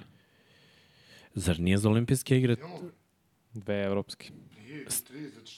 Francuzi? A ne, ne, ne, ne. Ide, Pa- Ako su Francuzi u top 3, a da su drugi ili prve najbolja, onda treća najbolja evropska. Je, brate, nismo dovoljno dobri da dobijemo Španci. To je moje mišljenje. Ali imamo još prilike da odemo. Pa imaju naravno pre imaš kvalifikacioni turnir sledeće godine, mesec dana, čini mi se pred olimpijske igre, to ostaje. I onda sve, maltene sve reprezentacije koje su koji igraju na ovom svetskom prvenstvu, čini mi se da je svaka igra na tim kvalifikacijom turniru plus ove što su prošle u predkvali, ispred, ispred kvalifikacijonog. Dobro, jebi ga. Takav je život. Mogu ti pitati nešto? Iskreno, Zajedno- a? stvarno mislim da, da, da Španci imaju neku nadmoć nad nama. Nije nemoguće dobiti ih i naravno treba da imamo jako dobru energiju i sve to, ali baš poštujem njihovu košarku, njihovu školu košarke. Mno, mnogo cenim ovo što su radili u posljednjih 20 godina. Stvarno je uzorak savršenstva u 20 godina. Napravili su sistem, a S- krenemo da. Sve su odradili. Sad kad uba- ubace nove igrače i dalje se ništa ne menja. To, mi je ono baš impozantno, baš mi baš poštujem to što rade i mislim da, je- da, da su jako zajebani. Čak i kada nisu s najjačom selekcijom. I prošle godine kad je bilo Evropsko, niko ih nije stavio ono kao glavne favorite. Da se ne lažemo, tačno su znali šta rade u svakoj tekmi i odradili posao. Za njih je to bio ono, još jedan dan u kancelariji. Dobar dan, posao, doviđenja. Mogu te pitati nešto? A za NFL. Ajde. Da li znaš kada su Patriots imali poslednji put pika u top 5? Top 5 U pika top na 5. draft. Da.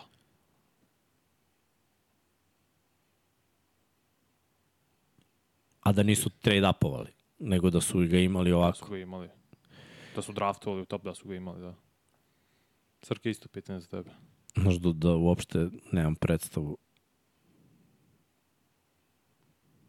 Posle dužeg vremena što sam pratio, na desetom Mek je bio najviše od ovoga što se sećam. Da, onda, onda me vuče da ne kažem mogu da se setim koja je 96, sezone, ne mogu da se setim koja je sezona, jer ona kad je Brady bio povređen, oni su opet imali 11. dosta pobeda, tako da sigurno nisu bili, ne znam da li su skakali za neki igrač. Ne, ne baš ne znam, 94. 94. 30 godina. To je never. Da, da. Pa jebi ga kad si uspešan. De, ovo što su leto. bili na desetom mi je bilo ono kao, vidi, Petricu top 10, brate. Šta će ovo da bude? E, da, pitaju smo videli First Take, kako su isprozivali, brate, oni bi isprozivali rođenu Kevu za view, brate. Tako da, za ovo što je Noah Lyles, pa su oni... Mislim, to je stvarno idiotski da isprozivaš dečka što je rekao što nešto što je tačno. Što oni možda gledaju na drugačiji način, oni gledaju pogrešno, ne on. I vidio sam i Drake, i svi i Durant, svi ovi, i Draymond Green javljaju se, samo ispadi gluplji i gluplji. Da, ne, malo- stvarno je smešno i tužno. Mislim, i dečko je sve u pravu. Još što je najgore od svega, što, što ovaj, Što su oni, oni da je njega, on. njega nazivaju ono, Da. da, da je Da. ignorant. Oni, da. Kao vidi debila. Da, Borazirov. oni debili. To je Will Smith jednom rekao, ovaj, pre nego što je poludeo i on. To je zbog žene. Ovaj, Da, tad, Jada tad, je, tad je ovaj, bio u nekoj emisiji kao kao društvene mreže i to što imaš pravo da kažeš sve, ovi su totalno upropastila ono svet, jer kad sam bio mlad, bio sam glup, ali sam bio glup za sebe. Sad si glup, brate, Ja. javno za ceo svet. To baš i nije baš i nije cool. Pitaju ko bolje igra basket ili ja. Ne znam, nikad nismo igrali. Nikad nismo igrali. Jednom je bio pozvan, odbio je. Da, nisam mogao tada igra. Ako igra bolje, prebio bi ga. Vrlo verovatno bi bi tako bilo. Dao bi mu jednog Avramovića. e, ko će biti najbolje plasirana afrička ekipa na svetskom Južni Sudan. prvenstvu? ja se toga držim, igraju najbolje od sada što sam gledao od afričkih reprezentacija. Nisam gledao sve tekme, Mm. naravno, ali ovo što Angola? sam gledao. Ne, ne, Južni Sudan mislim da će. Igraju jedni protiv drugi, čini mi se. Mm, Sa uče, sutra. I Pa, to direktno A odlučuje zapravo. Pazi, tu Angolu sam isto radio nekoliko puta, brate. Imaju ovog jednog malog zujelicu. Dundao. Borazar sve odradi kako treba i baci airball. Znači da izgoriš. Brzo ono, prednja promena, bam, promena ritma, sam. A zato ovi imaju jedno koji Airball, prangija i bućka. Dobro, to je- imaju, oni Kar, više Karlik. Jones. I ovaj Ali- centar im je ozbiljan, brate. Dobro. Na F. Kako se zove? Čiji centar? Južni Sudan. Imaš Gabriela. Gabriel, Imaš- izvini, nije na F, na G. Gabriel, jeste. Dobri, i ono ti isto. Radi, ko- korektno radi posao, baš. Kako se zove onaj Das s brojem 14? Onot, ne? On je 11. Ne, ne, ne, na, na, na jemu ime. Jo, Jo, Džok. Džok. Džok. Da, on što je prangijao trojke. već, Da. kakav Dasa, bre. Hoću mi malo... E, sad ne znam da li si izgovara mal, Maluah ili Malauč. Što čujem Darka Plačića, Da. kažem ma, malu, Maluač, pardon. Manulać. Mi ga zovemo Ne, Manulać. znam, ne, ne, ne znam. ja ceo dan, brate, ceo dan gledam tekmu i u glavi mi je samo svaki put kad kažem Manu, aj meni Manulać. Ne znam da li Manulać. je Č ili H. Ne znam kako se čita. Ma ko zna, brate, kako, baš ne znam ovaj, njihova. Prvo, uvek zasnivam to Čiji su gde je bila, ono, kolonije. koja bile. kolonija, tako je. Ali, brate, na primjer, Oni su francuska kolonija bila. To menja. I sad, da li je poprimljeno ili je afrički. A da li je pre toga bila tipa ono, Holandija gde apsolutno nemam pojma ništa o jeziku. Je Angola je samo- bila port, portugalska. Cabo Verde Čak Capo Verde. je bio portugalski. Zar nije Angola bila? Moguće da je bila i Mislim da je Angola. Angola bila isto. Cabo Verde je sigurno, oni pričaju portugalski i dalje. Da, da, da, okej, mislim da je ovo. Angola, native, Angola, uh, Kolon. Ne, ne, ne, language. Portugalski, vrat. Pričaju. Da. Da. Znao sam svi oni. Pa zato je Dundao, kao da je Brazil. Brazilac. Brazil. Uh, Miksa pita iz Srke, je li ima mraj, majicu Alana Prosta? Nemam, nemam, rekao sam imam Senu, imam James Hunta. Eto, čuli ste od Srke. Nomadski narodi koji i san su bili prvi u Angoli. Davne, davne, daleko davne. Pre prve bantu migracije. A ih Portugal ih je kolonizovao 1484. godine. Brate, kakva ludila su se dešavalo u svetu. U, vidi pitanje, da li planirate neku fantasy ligu? Ne. Ne, ne, ne mogu. To ja stvarno izvinim. Ne igramo- Fantasy, ne igramo ne igram ni fantasy. NFL fantasy, ne, ne pada mi napad ni NBA da igram, saista previše drugih stvari imam, ne, ne mogu. Kad su postali oni nezavisni, to mene zanima. Slave trade, dobro. Berlin, Commerce, Sveta. Aha. Ja da pitam vas dvojicu, brate, ali imate ovaj negde da nađem Hard Knocks treću i četvrtu? Pa mogu da ti dam pristup kao što si ti meni dao za Amazon Prime. I dalje ti nije Čekao da. sam ga ovde. Čekao je, bre. Ja, i Šest dalje, ti sam dalje ga nisi čekao. gledao to. Nema veze, mogu gledam Hard Knocks večeras posle teretanice. Pusti. Kako Prošli put sam gledao, ja brate, Hard Knocks u teretani. ali ne mogu da nađem, brate. A čekaj, ti, Nema ti mu i dalje, nema tu. Ti mu dalje nisi dao Na da gleda Passu. The Boys. A, u, pa dobro, čekat ćeš godinu dana.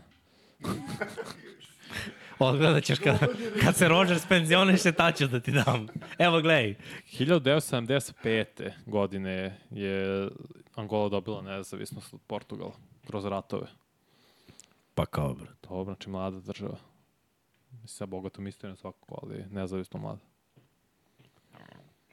Kaže, Mixel ćete da imate live posle tekme Srbije i Italije. Pa radit ćemo u petak posle 99 yardi.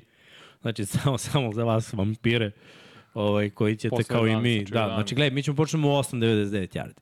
Nećemo trajati puno. Ne bi trebalo. Ne. Mislim, samo treba najavimo jednu tekmu Power ranking radimo. i treba najavimo prvu tekmu. Ali imamo power ranking publike i naš, jel da? Imamo, Da, dobro. ali mislim, power ranking je... Miksa nije menjao svoje ovo. Da. Šta imamo? Pa ko te, Ja ko- sam promenio. Ja sam promenio. ko te je iznenadio? Denver mi malo loši otisak, utisak ostavio zbog Denver mi povreda. je bio loš i pre. Ne, ne, samo kad mi sam je radio još prvi niže power ranking. pao zbog povreda. Jer sva tri hvatača su im sad povređena. Prva tri, tro, prva trojica. Mo- Pa ću kažeš? Neko znam da nije, nije bilo isto. Pittsburgh si možda podigao. Ja sam Pittsburgh stavio na... na Sam vam rekao, sinovi. Eli- Eli Chargers se podigao. Na, na 15. mesto. Imam, imam, ja sam menjao, ja sam menjao. Kad vam kaže čeka miksa, vi nećete da slušate. Chicago sam podigao. I ja sam Chicago podigao, bravo. I San Francisco sam podigao. Mm, Tennessee sam možda spustio i Minnesota. Ne mogu se da sam pre Minnesota stavljao. Gine, brate, Tampu sam spustio. baš si on fire, brate. Tampa osvoja diviziju. Kaže, Ne.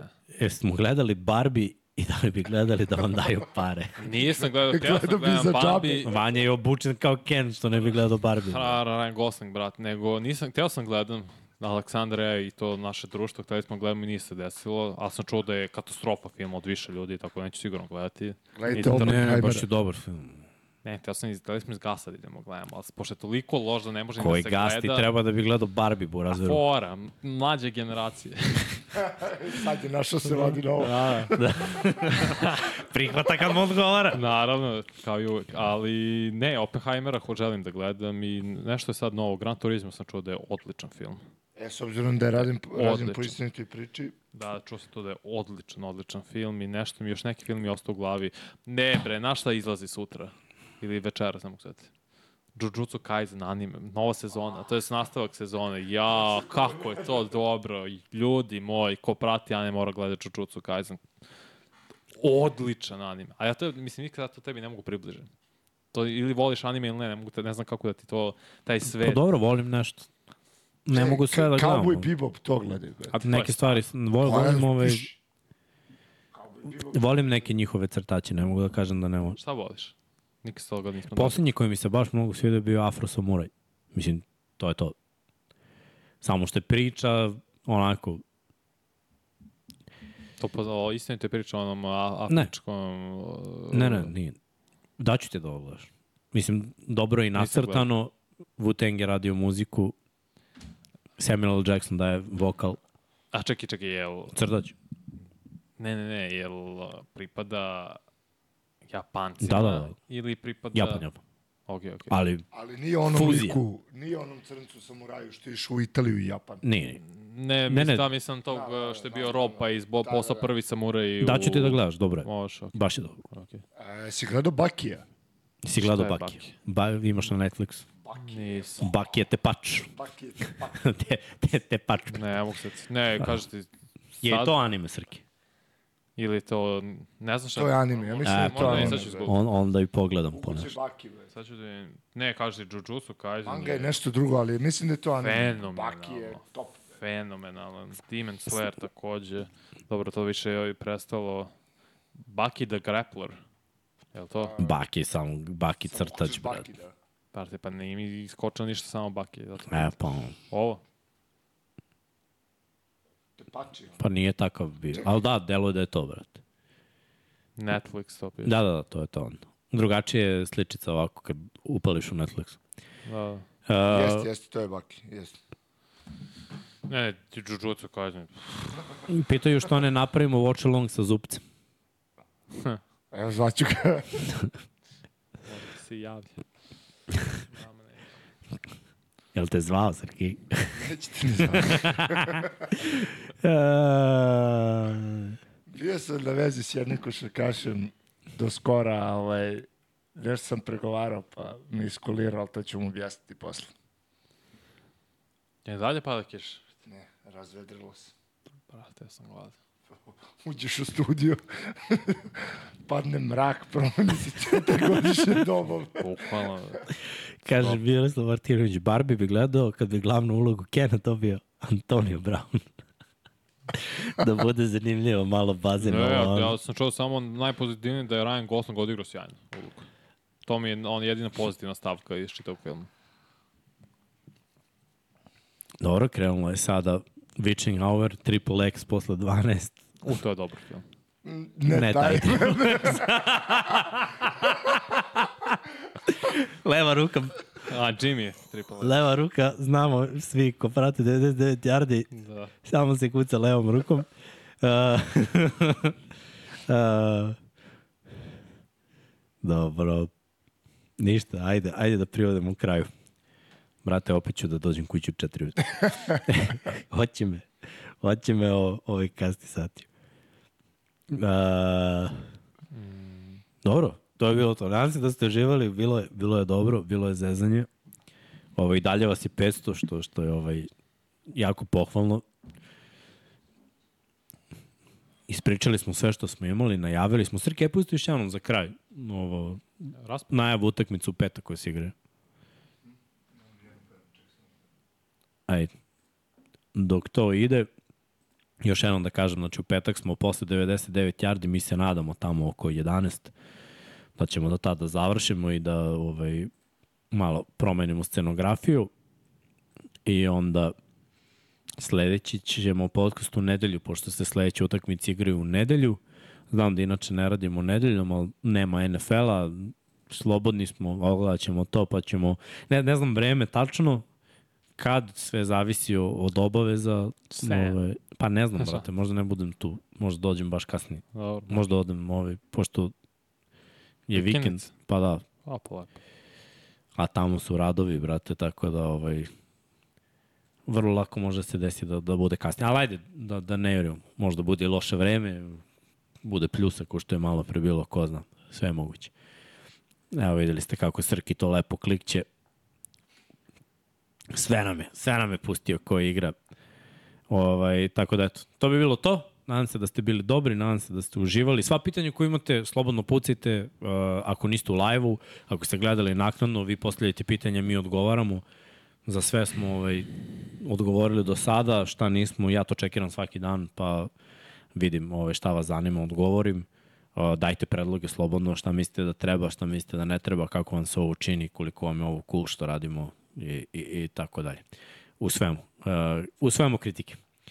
Tako da, Srki, jesi spremio Patreone? Hvala vam još jednom, da kažem, subscribe slobodno, nemojte da se stidite. Ako pratite ovo što radi ekipa, učinite to nama puno znači, evo 34.000 smo već prošli. Sad naravno napadamo ovaj, dalje, već idemo na 35, pa, pa tako dalje, pa tako dalje. Lajkujte video, nema da vam bude teško, ako već gledate, to, to je ono, bukvalno ništa, da zavrtimo algoritam jer nismo ovaj, toliko poznati i ovaj, značilo bi nam da budemo malo više u žiži što se tiče praćenja ovog svetskog prvenstva. Like, subscribe i naravno čekirajte naš shop ili nas podržite kao Patreoni. Ako ne znate šta je to, kako je to, mi stvarno dajemo dosta ovaj, respekta našim Patreonom, to su naši prvi sponzori. Bukvalno omogućavate da, da sve ovo ide ovako kako ide, a ja stvarno mislim da ide dobro. Imamo baš neke ozbiljne planove, ali to ćemo sve pričati u skorijoj budućnosti. Sad ćemo ovaj, pustiti taj video, inače naši Patreoni su svim našim knjigama. Biće isto kao što je na sajmu i tako dalje, bilo je čak i ono na kolima, ba, baš se potrebimo. Tako da ako želite da podržite ekipu na taj način, slobodno to učinite, nema vam bude glupo. Ako ne želite, nema veze, mi smo tu, pa smo tu. Srki, puštaj Patreone, vidimo se u petak, budite mi dobri, laka noć.